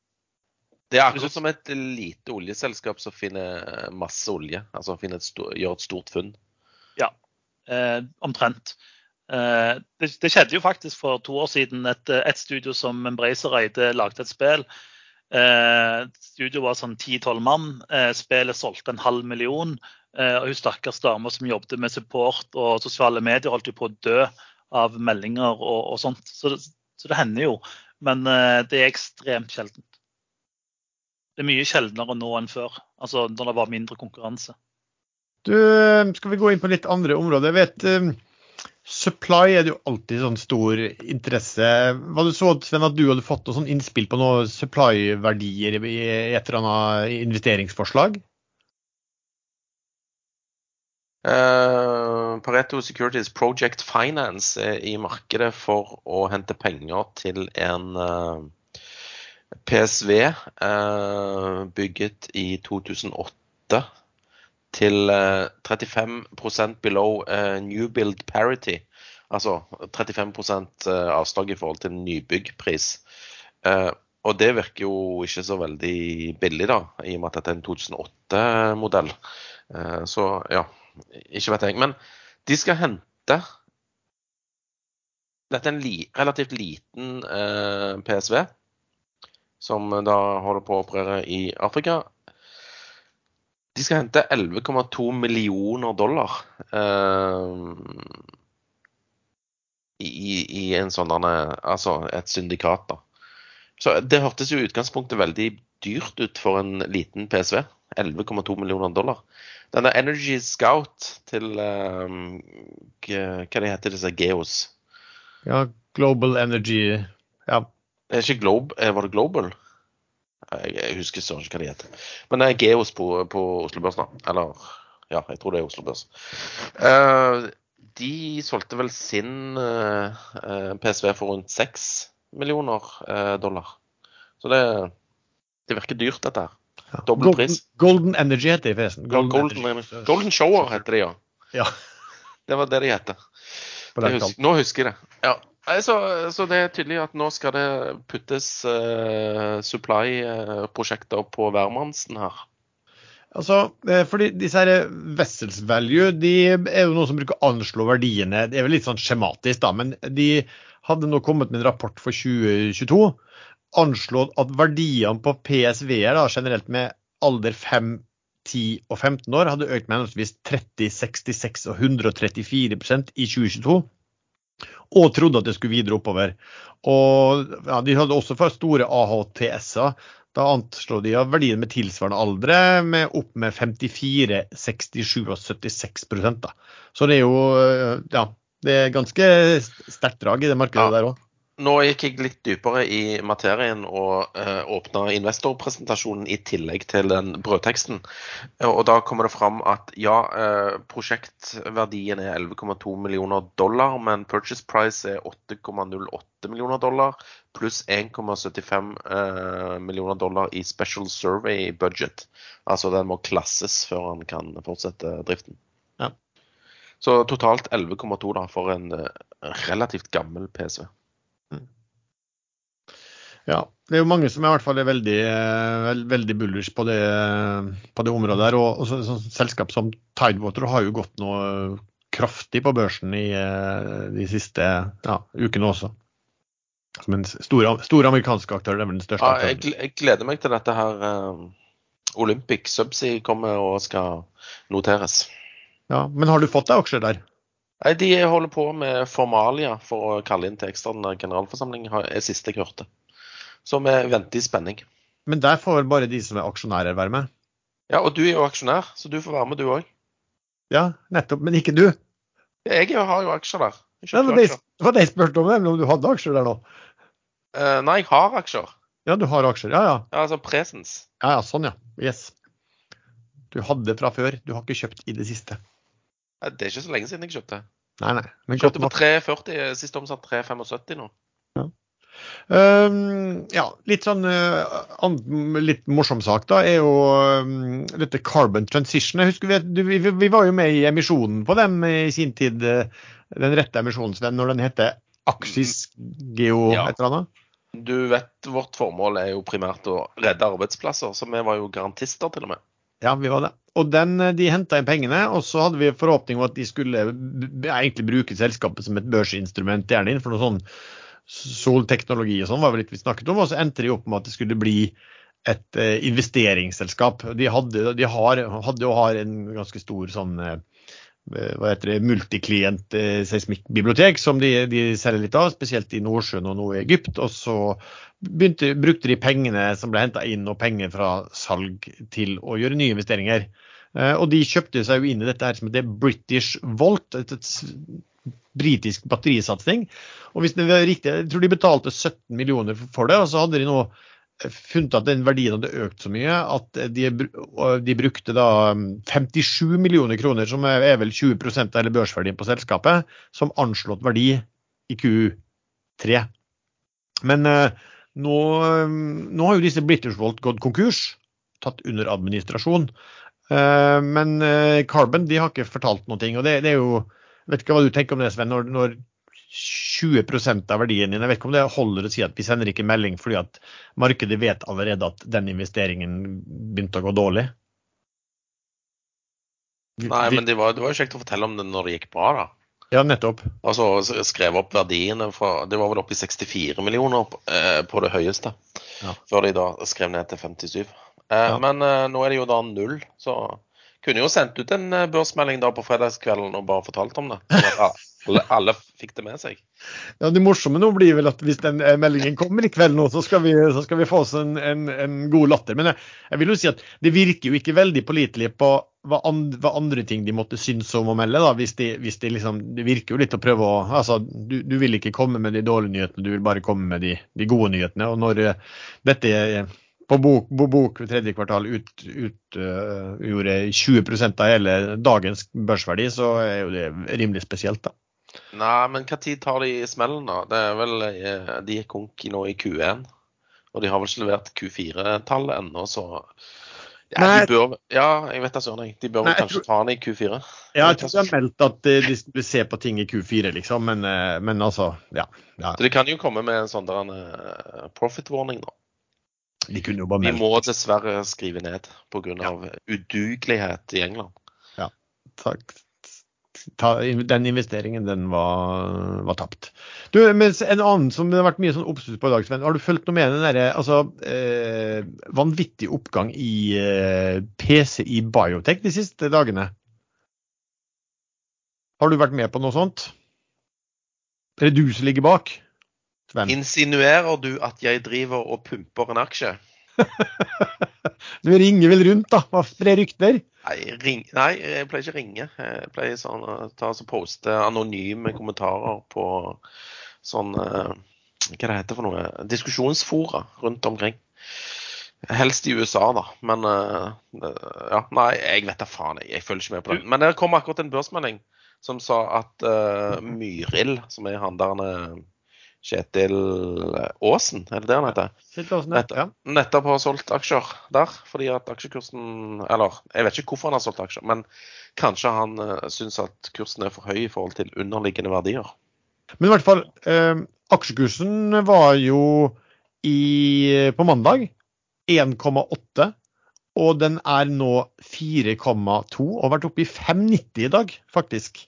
Han er faktisk pausa her, uh, as we speak, uh, på 4,30. Altså en, uh, en auksjon pga. Ja. høy vol volatilitet. Ja, Nei, jeg jeg har ikke fått med meg den i det hele tatt. Men det er fordi at selskapet er jo bare et skall igjen. Det er bare et skall igjen der og, og i nanovektor, liksom. Ja, det har jo ikke kommet, ikke kommet noen nyheter. Jeg så litt på aksjonærlisten. Det var, det var vel én som privatperson som hadde kjøpt en del av den første dagen da den hadde gått opp eh, 35 Eh, Det er jo ikke, det er jo ikke så, store så store beløp den gikk for den dagen der. da, Kanskje gikk for litt overkant av par millioner eh, kroner. Men så har den bare fortsatt å stegge, og så gikk den sånn opp på 5,90 i. Men da kom jo også melding altså Den andre som eier over 5 det er jo da eh, disse hva heter det, MP Pensjon. Og De flagga også i dag da at de hadde solgt seg ned under, eh, under flaggegrensen, og var vel da under eh, 5% de også. Så både de og, og det som da heter eh, altså Kjetil Aasen Myrlid, de har også flagga nå at eh, de har solgt seg under 5 og da er det bare én til. Noe som heter Fonds Avance AS. Jeg lurer på om det er er han Erik Must fra, som har sittet på det veldig lang tid. tror jeg. Eh, De eier jo litt over 10% og de har ikke flagget noe salg. I hvert fall ikke ennå. som Jeg Jeg trodde han heter Myrild, men nå Myrlid. Ja, det, ja. Ja. Det er fall, ja, det er i hvert fall Kjetil Aasen som har gjort det bra eh, mange andre steder, og som ja, benytter sjansen da, på en, kanskje en pump på å få, få solgt en god del eh, aksjer. Eh, ellers er det litt, litt interessant. Eh, Nordic Nanovektor snakka vi også mye om. Eh, det er også et biotekselskap som er tilnærma tomt og har gitt opp det meste. Og der det har vært kamp mellom en sånn aksjonærgruppering og og North Energy og hvem som skulle vinne styret, der den aksjonærgrupperingen vant, fikk satt inn sine tre styremedlemmer. Og to uker senere så trekker det ene styremedlemmet seg på dagen. Altså, jeg vet ikke om du vet noe, har sett noe annet, Sven, men jeg bare så kjapt på allmennaksjeloven, og der står det vel at et allmennaksjeselskap skal ha tre, minimum tre styremedlemmer. Og når det er bare to igjen, eh, da kan jo ikke de være beslutningsdyktige i det styret. Nei, du får ringe dem og spørre om de trenger en til. Ja. Nei takk, men vi kan kanskje kan tilby noen. tilby Henriksen inn. Ja, Sett inn en marionett. Jeg vet, jeg vet ikke hva som kan ha skjedd der. Har du fulgt med på den, eh, Erlend? Nei, jeg, du det det, er jo en, eh, det var jo en gjeng på Tekkenes og så fulgte den ganske mye. Men eh, den gikk jo i dass, da. Jeg har ikke, jeg har ikke fulgt med på den etter den gikk i dass, for å si det sånn. Ja, for der, der er vi enige. Og det andre lignende er jo da på Doff. Der var det også eh, et, et, et aksjonæropprør som overtok styrekontrollen. Nå, nå, nå så jeg vel han De er vel under eh, hva heter det rekonstruksjonsretten eller dommeren eller et eller annet sånt. Og han som var rekonstruktør, han sa vel at eh, her har man ikke veldig lang tid. Man har bare dager for å få en løsning på plass her. da, Som, som gjorde at det så ut som en del av de som hadde vært litt fan også, begynte å bli litt nervøse for at dette her ikke, ikke ville gå, gå, veien. Men så er det jo rimelig spesielt å, å, se liksom at du kan jo gjøre litt morsomme regnestykker da, på Doff. Det må sies. Hvis du begynner å se på uh, verdien av flåter og begynner å øke de uh, verdiene bokførte verdiene med en, del hyggelige titallsprosenter, så får, du, får, får, du, jo et selskap som, som, som plutselig er verdt en del. Men om de verdiene er riktige, og hva, hvor mye i så fall, det jeg skulle likt å vært med på hvis de hadde hatt en emisjon der i forbindelse med å komme seg ut av den altså rekonstruksjonen. Den tror jeg hadde vært kul å vært med på. Ja, og det kan nok altså det kan jo være at Den kommer nok tilbake i en eller annen form eh, på børs, eh, det selskapet der. og Da det jo, kan, kan, det jo sikkert bli interessant. Det er vel et godt posisjonert selskap med alt de måtte ha mye subsea og i Brasil. og Så eh, vi, vi, vi, får vel se hva som det kom forresten melding om at uh, aksjekapitalen i Q8 nå var registrert, og plutselig vips, så var aksjen ned 6% Ja. Da var det noen som brukte anledningen ja, til, å, til å komme seg ut. Ja, det ser jeg. 18, det var 1750 ble gjort på, var ikke den emisjonen, så de, de er jo fortsatt i gevinst der på Det er korrekt. Uh, vi har fått en hel del spørsmål fra lyttere. Hvor mye kapital vil dere si man burde ha for å kun satse på trading som jobb? Vedkommende som, som skriver sier at han selv har en tanke på ca. 8-10 millioner kroner. Hva, tror du, hva tenker du om det, Sven? Jeg tenker at det hørtes mye ut. Men uh, det er jo greit å begynne med åtte, da, for da, holder du jo gående en stund hvis det skulle gå galt. Uh, men uh, personlig så begynte jeg med rundt halvannen. Det funka veldig greit for meg i og med at jeg kunne gire den en og en halveren opp i, i tre. da. Mm. Så, men da treide jeg veldig mye kun intradag. Gjør ikke det nå lenger. Så nei, det spørs hva, hva strategi du skal kjøre. Hvis du Eh, men det hørtes mye ut med åtte til ti, altså. Ja, det, det, kommer, det kommer jo litt an jeg vil jo si det kommer litt an på uh, familiesituasjonen til vedkommende. Er du singel, så klarer du deg med noe helt annet enn hvis du plutselig er familie, familiefar og, og, og, og, familien trenger inntekter. Da, da, er det jo greit å ha, å ha um, desto mer. Nei, men Hvis du tenker du bare skal doble innsatsen din hvert år, så ja, hvor mye kan du leve av? Halvannen mill. går helt greit. Hvor mange doble innsatsen hvert år. Nei, nei, jeg altså, dobler altså, ikke innsats, men jeg dobler kapitalen. Altså, det som jeg gjorde, jeg begynte med, med halvannen mil, og så tjente jeg halvannen mil. Og så brukte jeg det halvannen mil, eller kjøpte noe for det, bolig eller et eller annet. Og så fortsatte jeg med halvannen mil. Og så dobla jeg de, og så tok jeg ut halvannen mil. Ja. Jo, men de fleste gjør det ikke så bra over tid. Altså, Nei, men det er mange som gjør det bedre òg. Ja, men de, men de, aller, aller fleste vil jo gjøre vesentlig dårligere enn hva Nei, men jeg, jeg, vil bare råde folk til å ikke begynne med åtte mil og gå i null. Da er det bedre å begynne med halvannen. men spørsmålet her er vel hvor mye på en måte du må klare å tjene deg opp før du kan leve av det. Eh, jeg ville jo sagt 8-10 millioner er fornuftig, fordi da har du ikke så mye press på å levere 100% avkastning. Nei, men Hvor mye trenger du da? Si at du eh, skal du ha 10% avkastning hvert år. Hvem, altså 10% det er jo det er lite. Ja, er det egentlig det i, snitt? Altså, ja, hvis du har 8 mill., så tjener du 800 000. Ja. Uh, ja, altså, men alt det her vil jo avhenge av det vil jo avhenge av hvordan børsen generelt gjør det da, fremover også. Uh, hvis Nei, egentlig går... ikke. For jeg hadde mine beste år når børsen gikk til helvete. Ja, Men det er du. Yeah det, det, det, kommer jo òg an på, på en måte folk. altså det er liksom, ja. Folk er forskjellige. Det, det liksom nå, altså, jeg har, har 5,2 nå i år og er fornøyd med det. liksom. Og så ser jeg folk bare enten er blodig rødt eller å, jeg har klart 20-30% de siste to ukene i januar. Sant? Så det er liksom det er forskjellige strategier for forskjellige ja. årstider. skulle jeg si. Ja, men det, det, er veldig vanskelig spørsmål òg, for alle er ja. forskjellige. Og alle har forskjellig tradingstrategi og, og sånne ting. og det eneste jeg kan skrive under på, det er mye vanskeligere å få høy, like høy prosentvis avkastning når kapitalen er stor, enn når den er liten. Ja, det er jo det, det er helt riktig. Um, da, da, er det jo ofte, i, i hvert fall i en del selskap, så er det jo mindre likvid. Det er vanskelig å, vanskelig å flytte på seg på, på, samme måte også. Som når du er liten, der du plutselig at du, du Hvis du får mye kapital, så må du endre strategi. Og det er ikke sikkert det funker så bra. Nei. Så, så, det, så, det, du sier, Sven, at det er vanskelig å flytte på seg når man er stor? Uh, ja. ja. sånn du, nå tenker du fysisk? Altså, nei, nei, nei, selvsagt altså, ikke. nei, jo da, det gjør du, din feitjævel. Et annet spørsmål. Vi går glatt videre fra det samtaleemnet. Um, en som spør hva som skjer i Saga Pure om dagen.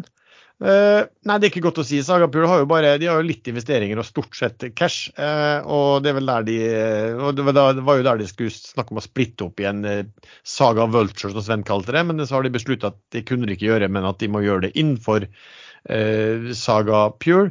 nei, det skjer jo ikke så mye, for de, de, har jo ikke investert i det grønne på omtrent på to år. Og, og nå du, skulle du inn på Distressed og meldte det godt for nyttår, men det har jo ikke kommet noe Distressed investeringer heller. Så jeg regner med at de ser seg rundt, men det, det virket kanskje litt sånn ja, litt uh, Men Var det ikke børsen som var partypooper her når det gjaldt Vulture? Det er riktig at det var ikke så lett å bare få det notert med en gang. Sånn, en, Men vi ikke ha sånne selskap. Med, med, den kapitalen som er tenkt, så er det jo Vulture-biten så blir det store. Og det jeg hadde regna med at når de gikk med de planene, så hadde jeg nesten regna med at de allerede hadde klart for seg investeringer de skulle gjøre. Eh, men sånn virker det jo ikke å være da, for det har jo ikke kommet noen investering på, eh, innenfor, innenfor vulture-biten. Så, så, vi får vel se. I, I, den forbindelse kan jeg jo nevne denne SDSD som jeg har likt fordi det er stor rabatt. Den er også litt spesiell, da, for de skal jo investere i eh, oljeservice. Eh, hadde solgt noe av det de trodde veldig på i Q3, som var Weatherford. Um, og, og, satt med veldig mye nettcash. da, med, altså De satt jo med 500, 500 millioner kroner i, i, i nettcash i, i, cash i det investeringsselskapet. Det blir interessant å se når Q4 om de har gått inn i markedet igjen, eller om de har bare sittet utenfor. for Hvis du skal investere i, eh, i ja, bl.a. børsnoterte eh, oljeserviceaksjer, og så har du ikke gjort det i en periode hvor markedet for den type aksjer i snitt har gått opp 30% så vil jo det være, det vil være ekstremt uheldig. Men eh, det, man kan jo være litt uheldig på, på, timing på ting også. Så vi får se. Kommer det en flaggemelding i Borr Drilling? Kistefoss har i dag solgt 15 000 aksjer og nå har nå 4,99% hvorfor, hvorfor gjør de sånn? Nei, de har mye penger rundt omkring. Kan han vel selge resten uten å flagge, kan han ikke det? Eller er det egentlig flaggegrenser til? Nei, nei. Det kan selge resten òg hvis han vil, men det var bare sånn. Hvorfor ikke solgt, solgt halvannen mill. eller et eller annet sånt? Ja. Her er et annet spørsmål om en råvare. Eh, noen som har troen på gull? Investere i gull, hva eh, tenker du? Erlend? Eh, jeg har tro på råvarer. Eh, mye av avkastningen min i år har kommet pga. sølvpris. Jeg har kjørt sånn eh, fond som bare investerer eller bare bare har gruveaksjer. Så jeg tror eh, gull kan stige. Gull har jo steget ganske bra allerede. Men jeg tror eh, råvarer generelt skal mer opp. Okay. Tenker du, Sven? Jeg tenker at gull er kjedelig. Men eh, drev ikke du og sulla rundt i sånn uran òg? Uranium? Det er helt korrekt. Det har jo gått Hvordan har det gått? Eh, gått veldig bra. Jeg hadde Eh, det er jo et sånn kanadisk fond eh, som heter Sprott Physical Uranium Trust. Eh, og Det var handla til minus 15 av Nav i desember, så det kjøpte jeg. Og så steg det til 1 av Nav, og så solgte jeg. Så det var en fin trade. Men uran er, altså, uran er så sykt treigt. Du hadde jo blitt død eller sovna av å trade det. Så det er jo sånn, Hvis du vil trade noe som du skal ha i fem år, så kjøper du uran. Men det er mulig å trade det. Men skal du kjøpe gull, så kjøp eh, enten eh, gruveaksjer, altså, eller fond som kjøper gruveaksjer, eh, eller fond som faktisk er i gull. Ikke kjøp disse fondene som bare sitter med papirgull, for de er jo egentlig ingenting verdt.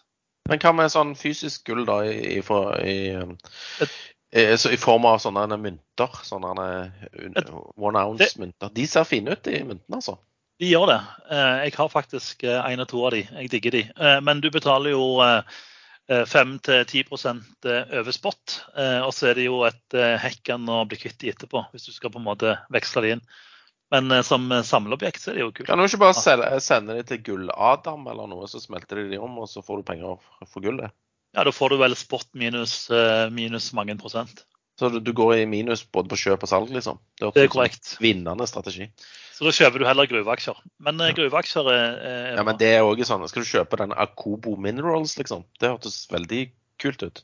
Nei, jeg, kjøper, jeg kjøper et fond. Det, altså det, det, det sølvfondet jeg har, eh, AUAG Silver Bullet et eller annet, de har 30 eh, gruveaksjer. og Dermed så har du liksom litt kjipt hvis du kjøper et selskap og så bommer de, og så er alle pengene dine vekke. Det er bedre liksom å ha et fond som har bedre spredning. Ja. Akobo Minerals de holder til i Eh, utvinne gull i, eh, i, Etiopia, forresten.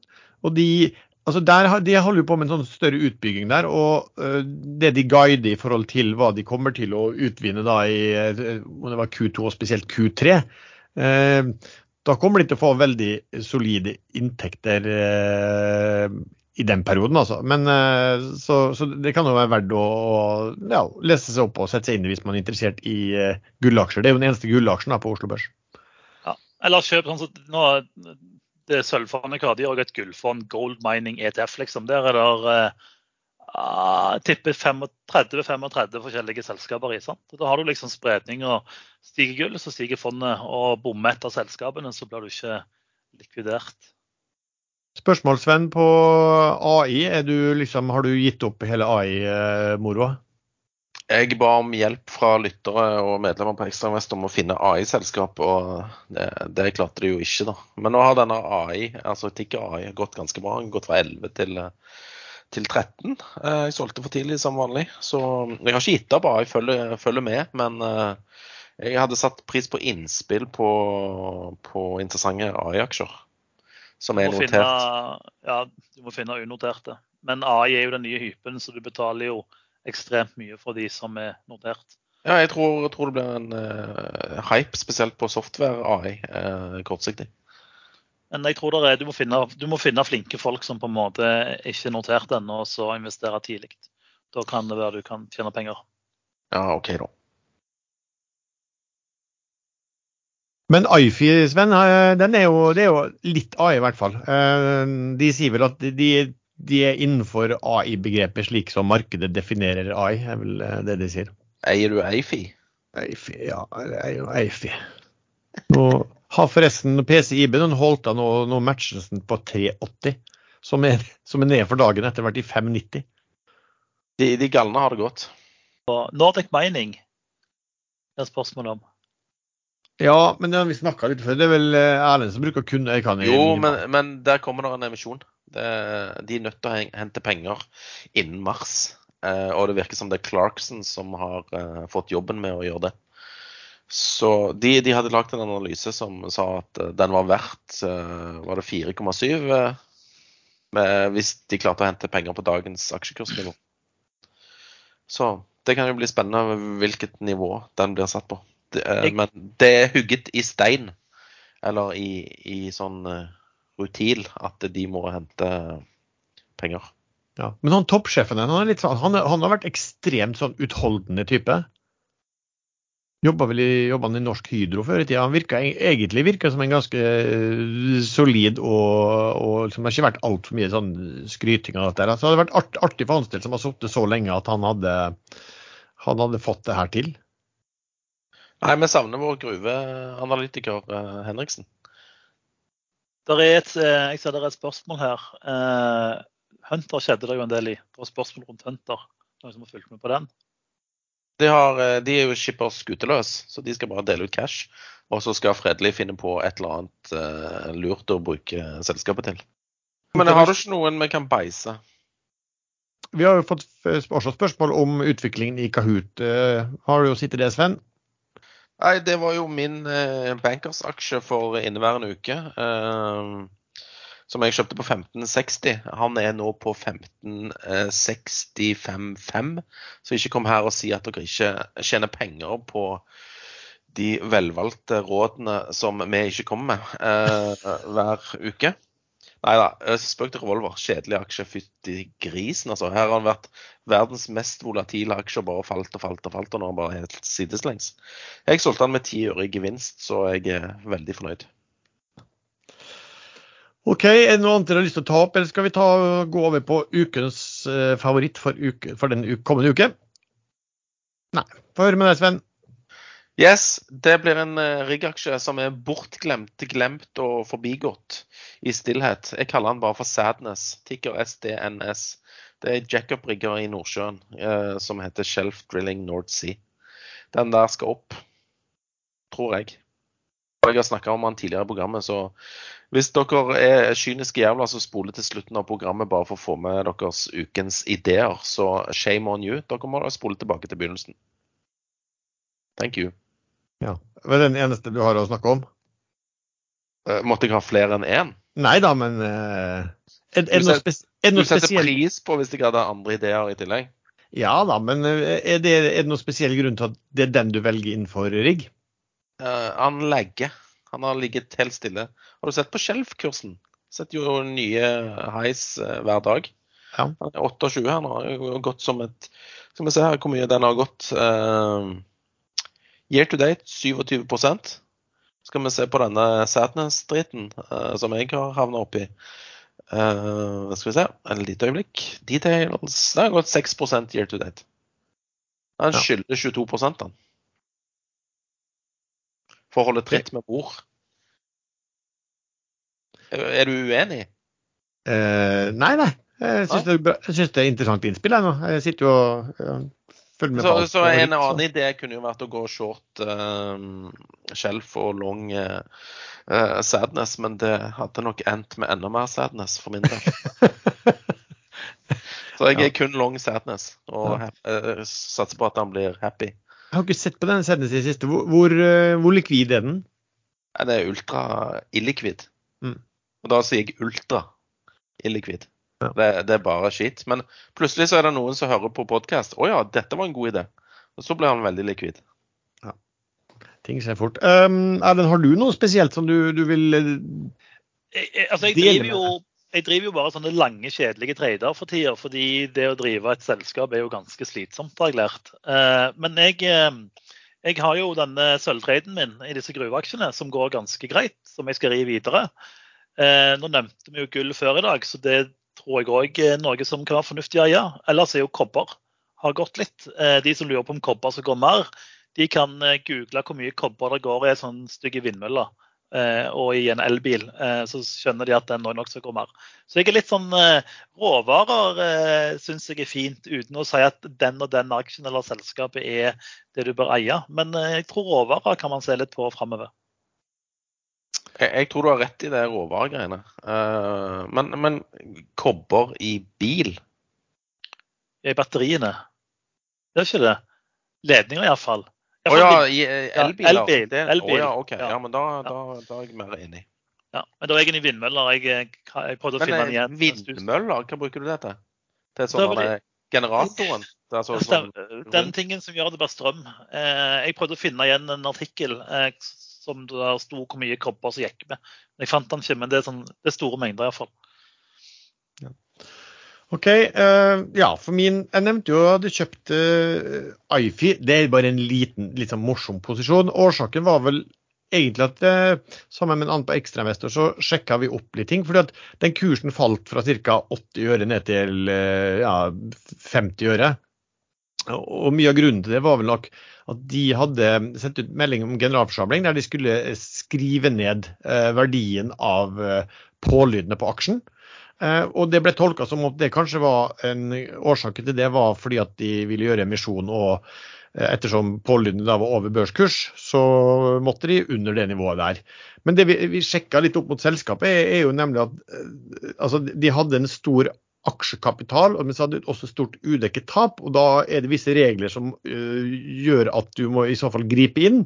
og En av de tingene du kan gjøre da, er at du kan uh, nedsette um, aksjekapitalen din til fordel for det udekkede tapet. Det blir sånn teknisk, men dette er en sånn teknisk ting som de også da gjorde i desember, altså før, før året var omme. Så, så isolert sett så kan du, kan du gi det stor mening å gjøre det, selv om du har ingen som helst planer om å gjøre emisjoner eller noe annet. De har jo en del cash, men du skal heller ikke se bort fra at de uansett da, får lyst til å gjøre, um, gjøre emisjon. Det, det prises vel der til ca. 75 millioner kroner, er det vel, og de hadde vel sist gang de gjorde regnskap nettcash på en, en, en, en 30. Så det er jo det er jo et sånn AI-selskap. Og så, og så vet jeg at de um, omtrent i disse dager, de hadde egentlig sagt før nyttår at de skulle lansere en eller annen sånn cloud-basert eh, løsning basert på eh, produktet sitt. Så vi, vi får vel se, da. Det, men sånn at det er en liten, eh, liten posisjon. Eh, BV Ideol også satt og lurte på om det, det kunne være en aktør som eh, hadde mm, som solgte den aksjen såpass kraftig ned og bare skulle ut. Den har stabilisert seg eh, litt i dag, men den har jo sklidd en, en, en god stund. Egentlig ganske interessant. Hadde det ikke vært for det at altså, det, de gikk jo på børs på en prising på 500 mill. og henta 570 mill. og noe priser til eh, 200. Um, og, og jeg kan ikke si at det som har skjedd i selskapet er noe sånn spesielt mye dårligere enn hva de hadde forventa. Selv sier de jo nå at de ligger foran um, skjema, men, men det er jo teknologi, da, og vindkraft jo, var jo veldig populært en periode, og er atskillig mindre populært nå. Så de har teknologi for flytende vindkraft og, og tar investeringer i prosjektene, er det du kan si der. Uh, nei, og så er det jo rigg, da, selvfølgelig. Det er veldig interessant det, det ryktet med Seadrill, og, og det er jo veldig interessant uansett kursoppgangen som har vært i Sidril nå i det siste. Uh, Meglerhusene sier jo på, om oppgangen at uansett så har de bare tatt igjen det de har ligget bak de andre og vært lavere priset enn de andre eh, selskapene. Eh, men skulle det være noen ting eh, bak dette her, så, så vil du jo kunne få dratt med deg hele riggsektoren gått oppover. og Derfor har jeg kjøpt jeg hadde litt, kjøpt det før i uken, og så kjøpte jeg mer i dag i dette som heter DVD. Fordi at på en del regnestykker så er det de som har den klart billigste riggen eh, igjen. Og skulle det være at skulle det skje en transaksjon eh, på andre steder på en betydelig høyere så pris, så, så vil jo fort det folk begynne å kjøre de regnestykkene på, eh, på deep eh, value drilling eh, på nytt. da. Så, så, vi får se på det. Ellers så vet jeg sånn altså, Den der rørleggeren som vi kaller den, VSS AB, som jeg snakket mye om, den har jo gått veldig bra fortsatt siste uke. Og toucha faktisk opp i 100 kroner i dag. Da var den jo på 66, husker jeg, tror jeg var på i, i 65-66 i desember eh, også. Og så er det jo sånn at den Standard Supply som jeg snakket om på Innenfor Supply, den eh, har kommet seg litt en del opp denne uken her, men den ligger, legger fortsatt de andre ganske mye. og Litt av grunnen til det er vel sikkert at det er dårlig marked, akkurat nå spot-markedet for PSV-er på britisk sektor av Nordsjøen. sånn sett. Men eh, det er fortsatt oljeservice som jeg syns eh, virker interessant, og det er fortsatt sånn at jeg gjerne vil være i de aksjene som eh, som, eh, der det går an å komme seg ut av. Ja, jeg er litt trist på vegne på Sidrill der. For jeg hadde, jeg hadde en del aksjer der på 2,40. Da var det ingen som ville ha den. Han var illikvid og dritt. Så jeg, jeg solgte de ganske fort på en 2,60, tror jeg. Men uh, samme det. Um, så, så, så, du den Oddfjell Technology? Den fikk fart på seg i, siden sist. Det kom jo ja. noen analyser der som bare sa Hva var det de sa? 60 kroner? Og så gikk hver 30 til 40. Smukk. Ja, noen, jeg tror kanskje noen sa 70 også. Du må ja, ja. 70. Du, altså, den, den er, jeg blir litt sur når du sier den, for den, den, hadde jeg faktisk på lista med en gang at jeg skulle snakke om den som en sånn ukens favoritt. og Det var sist gang det kom en sånn drag opp i den fra et av disse meglerhusene. For da gikk jeg tror jeg, tror jeg til 24 til 29 eh, rett før. Altså, på tallene på inntjeningen så, så ser den billig ut eh, i forhold til andre. Nå har ingen anelse om det er noe spesielt i år. De, de hadde vel nesten altså, driftsmargin på 10% Det kan jo være ting som gjør at de er men, men dette er det, denne drilling-biten deres, altså det er de som driller. Eh, det er ikke rigger, det, det er, ikke, er, tjenester. Yes, det er ikke stål, det er tjenester. Det er riktig. Men eh, er ikke Archer en slags peer på, på dette? her? Den er jo helt død. Ja, det er vel noe plattformdrilling der også. Jeg er litt usikker på hva, hvordan de to Det har jeg faktisk, det faktisk et godt eh, innspill å, å, se de litt eh, opp mot hverandre. Men Archer er jo, eh, de har jo da veldig mye gjeld, da. Som vel må refinansieres. Men er ikke gjeld bull i sånn oppgangstider, da? Ja, men husk på, eh, Archer har jo vært veldig sterk på i Argentina, vet jeg, på, ikke det, på onshore Argentina. Og det har vært, Argentina har, det, har vel ikke vært noe gøy i det hele tatt. Det er vel altså, valutaproblemer og alt det her som har gjort at det har vært, eh, vært eh, trege greier. Men, ja, men ser du på Archer year to date, så er han opp 1,45% ja. Og denne OTL-skitet, skal vi se, den er jo da ikke at det er en bra sammenligning, men det sier jo litt. Eh, den er opp 32,76 year to date. Så The Archer ligger i sumpen. Men det, det, jo, det, det, du spiller der, er interessant å se på hvilke selskap er det som legger litt eh, de andre. For det blir jo gjerne sånn at Gviden, Greeden, da, da begynner man å se, se som Hvem er det andre som ikke har fått en, en slik opptur? Så... Nå er vi i sånn, litt sånn greed-modus, når du ser at uh, PSV-er prises til 11 millioner dollar, liksom. Og folk ja. Eh, mest sannsynlig hopper på. Ja.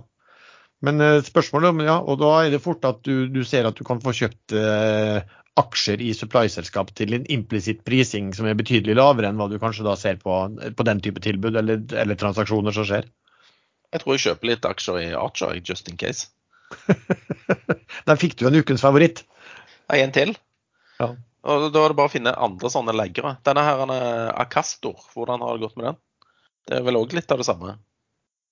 Ja, opp 12 year to date. Ja, så det er jo det er bedre enn Archer. Det er Archer som er den stygge andungen. Ja. Um, Seabird har jo reelt sett gått noe opp, siden de har jo, nå har den jo gått X, den derre utskillingen av, um, av uh, denne green min minerals. Vi har ikke fått de aksjene ennå, men uh, Men nå, nå er jo Siber da ren eh, seismikk. Så at uh, Fearnley på konferansen hadde den som sin favoritt innenfor dette området. Uh, og så blir det spørsmål på hva, hva blir denne Green Minerals priset til når alle får aksjene. De skal vel ha noen presentasjon, og så kom det vel noen melding i dag om at de hadde skulle inn på en lisens på havbunnsutvinning, og det var i Stillehavet et eller annet sted. Sånn som det er helt vanskelig å si hva, hva, hva kan bli verdt. OK, eh, ja, skal vi, hva sier dere? Skal vi eh, ta helgen? Var det gøy å være med igjen, eh, Erlend? Altså, jeg kjenner jo at eh, det er jo en, et savn eh, hver gang jeg deltar at det var lenge siden sist. Så det var hyggelig. Så jeg håper jo at lytterne syns det er gøy å høre på meg òg. Nå så jeg at noen klagde på at dere prater mye om de samme aksjene, så da håper jeg at litt gaming og krypto har vært en avveksling. Positiv avveksling. Veldig bra. OK, da takker vi så mye til deg som har lyttet på denne episoden. Du treffer ja, oss tre og også Jallekongen stadig vekk inne chatten inne på Ekstrainvestor. Vi har også en gruppe på Facebook som heter podkasten Aksjeladder. Musikken er som vanlig laget av sjast.com, og vi høres. Vel blåst. Ble bra det, gutter? ikke sant? Det ble i hvert fall noe. Ja. Du er så positiv, Sven. Nei, jeg, jeg, må til, jeg, må egentlig opp til Sirdalen og, eh, og, måke litt, sånn at jeg kommer inn i, hytt, eller inn i leiligheten. Fordi at det, det har snødd en del. Du skal ikke bare leie noen, liksom, sånn som andre rikfolk Nei, men jeg tenkte at hvis jeg ble tidlig ferdig med dette eh, podkast-greiene, så kunne jeg bare kjøre opp nå. Men, men vi brukte litt lang tid, så jeg tror jeg slipper.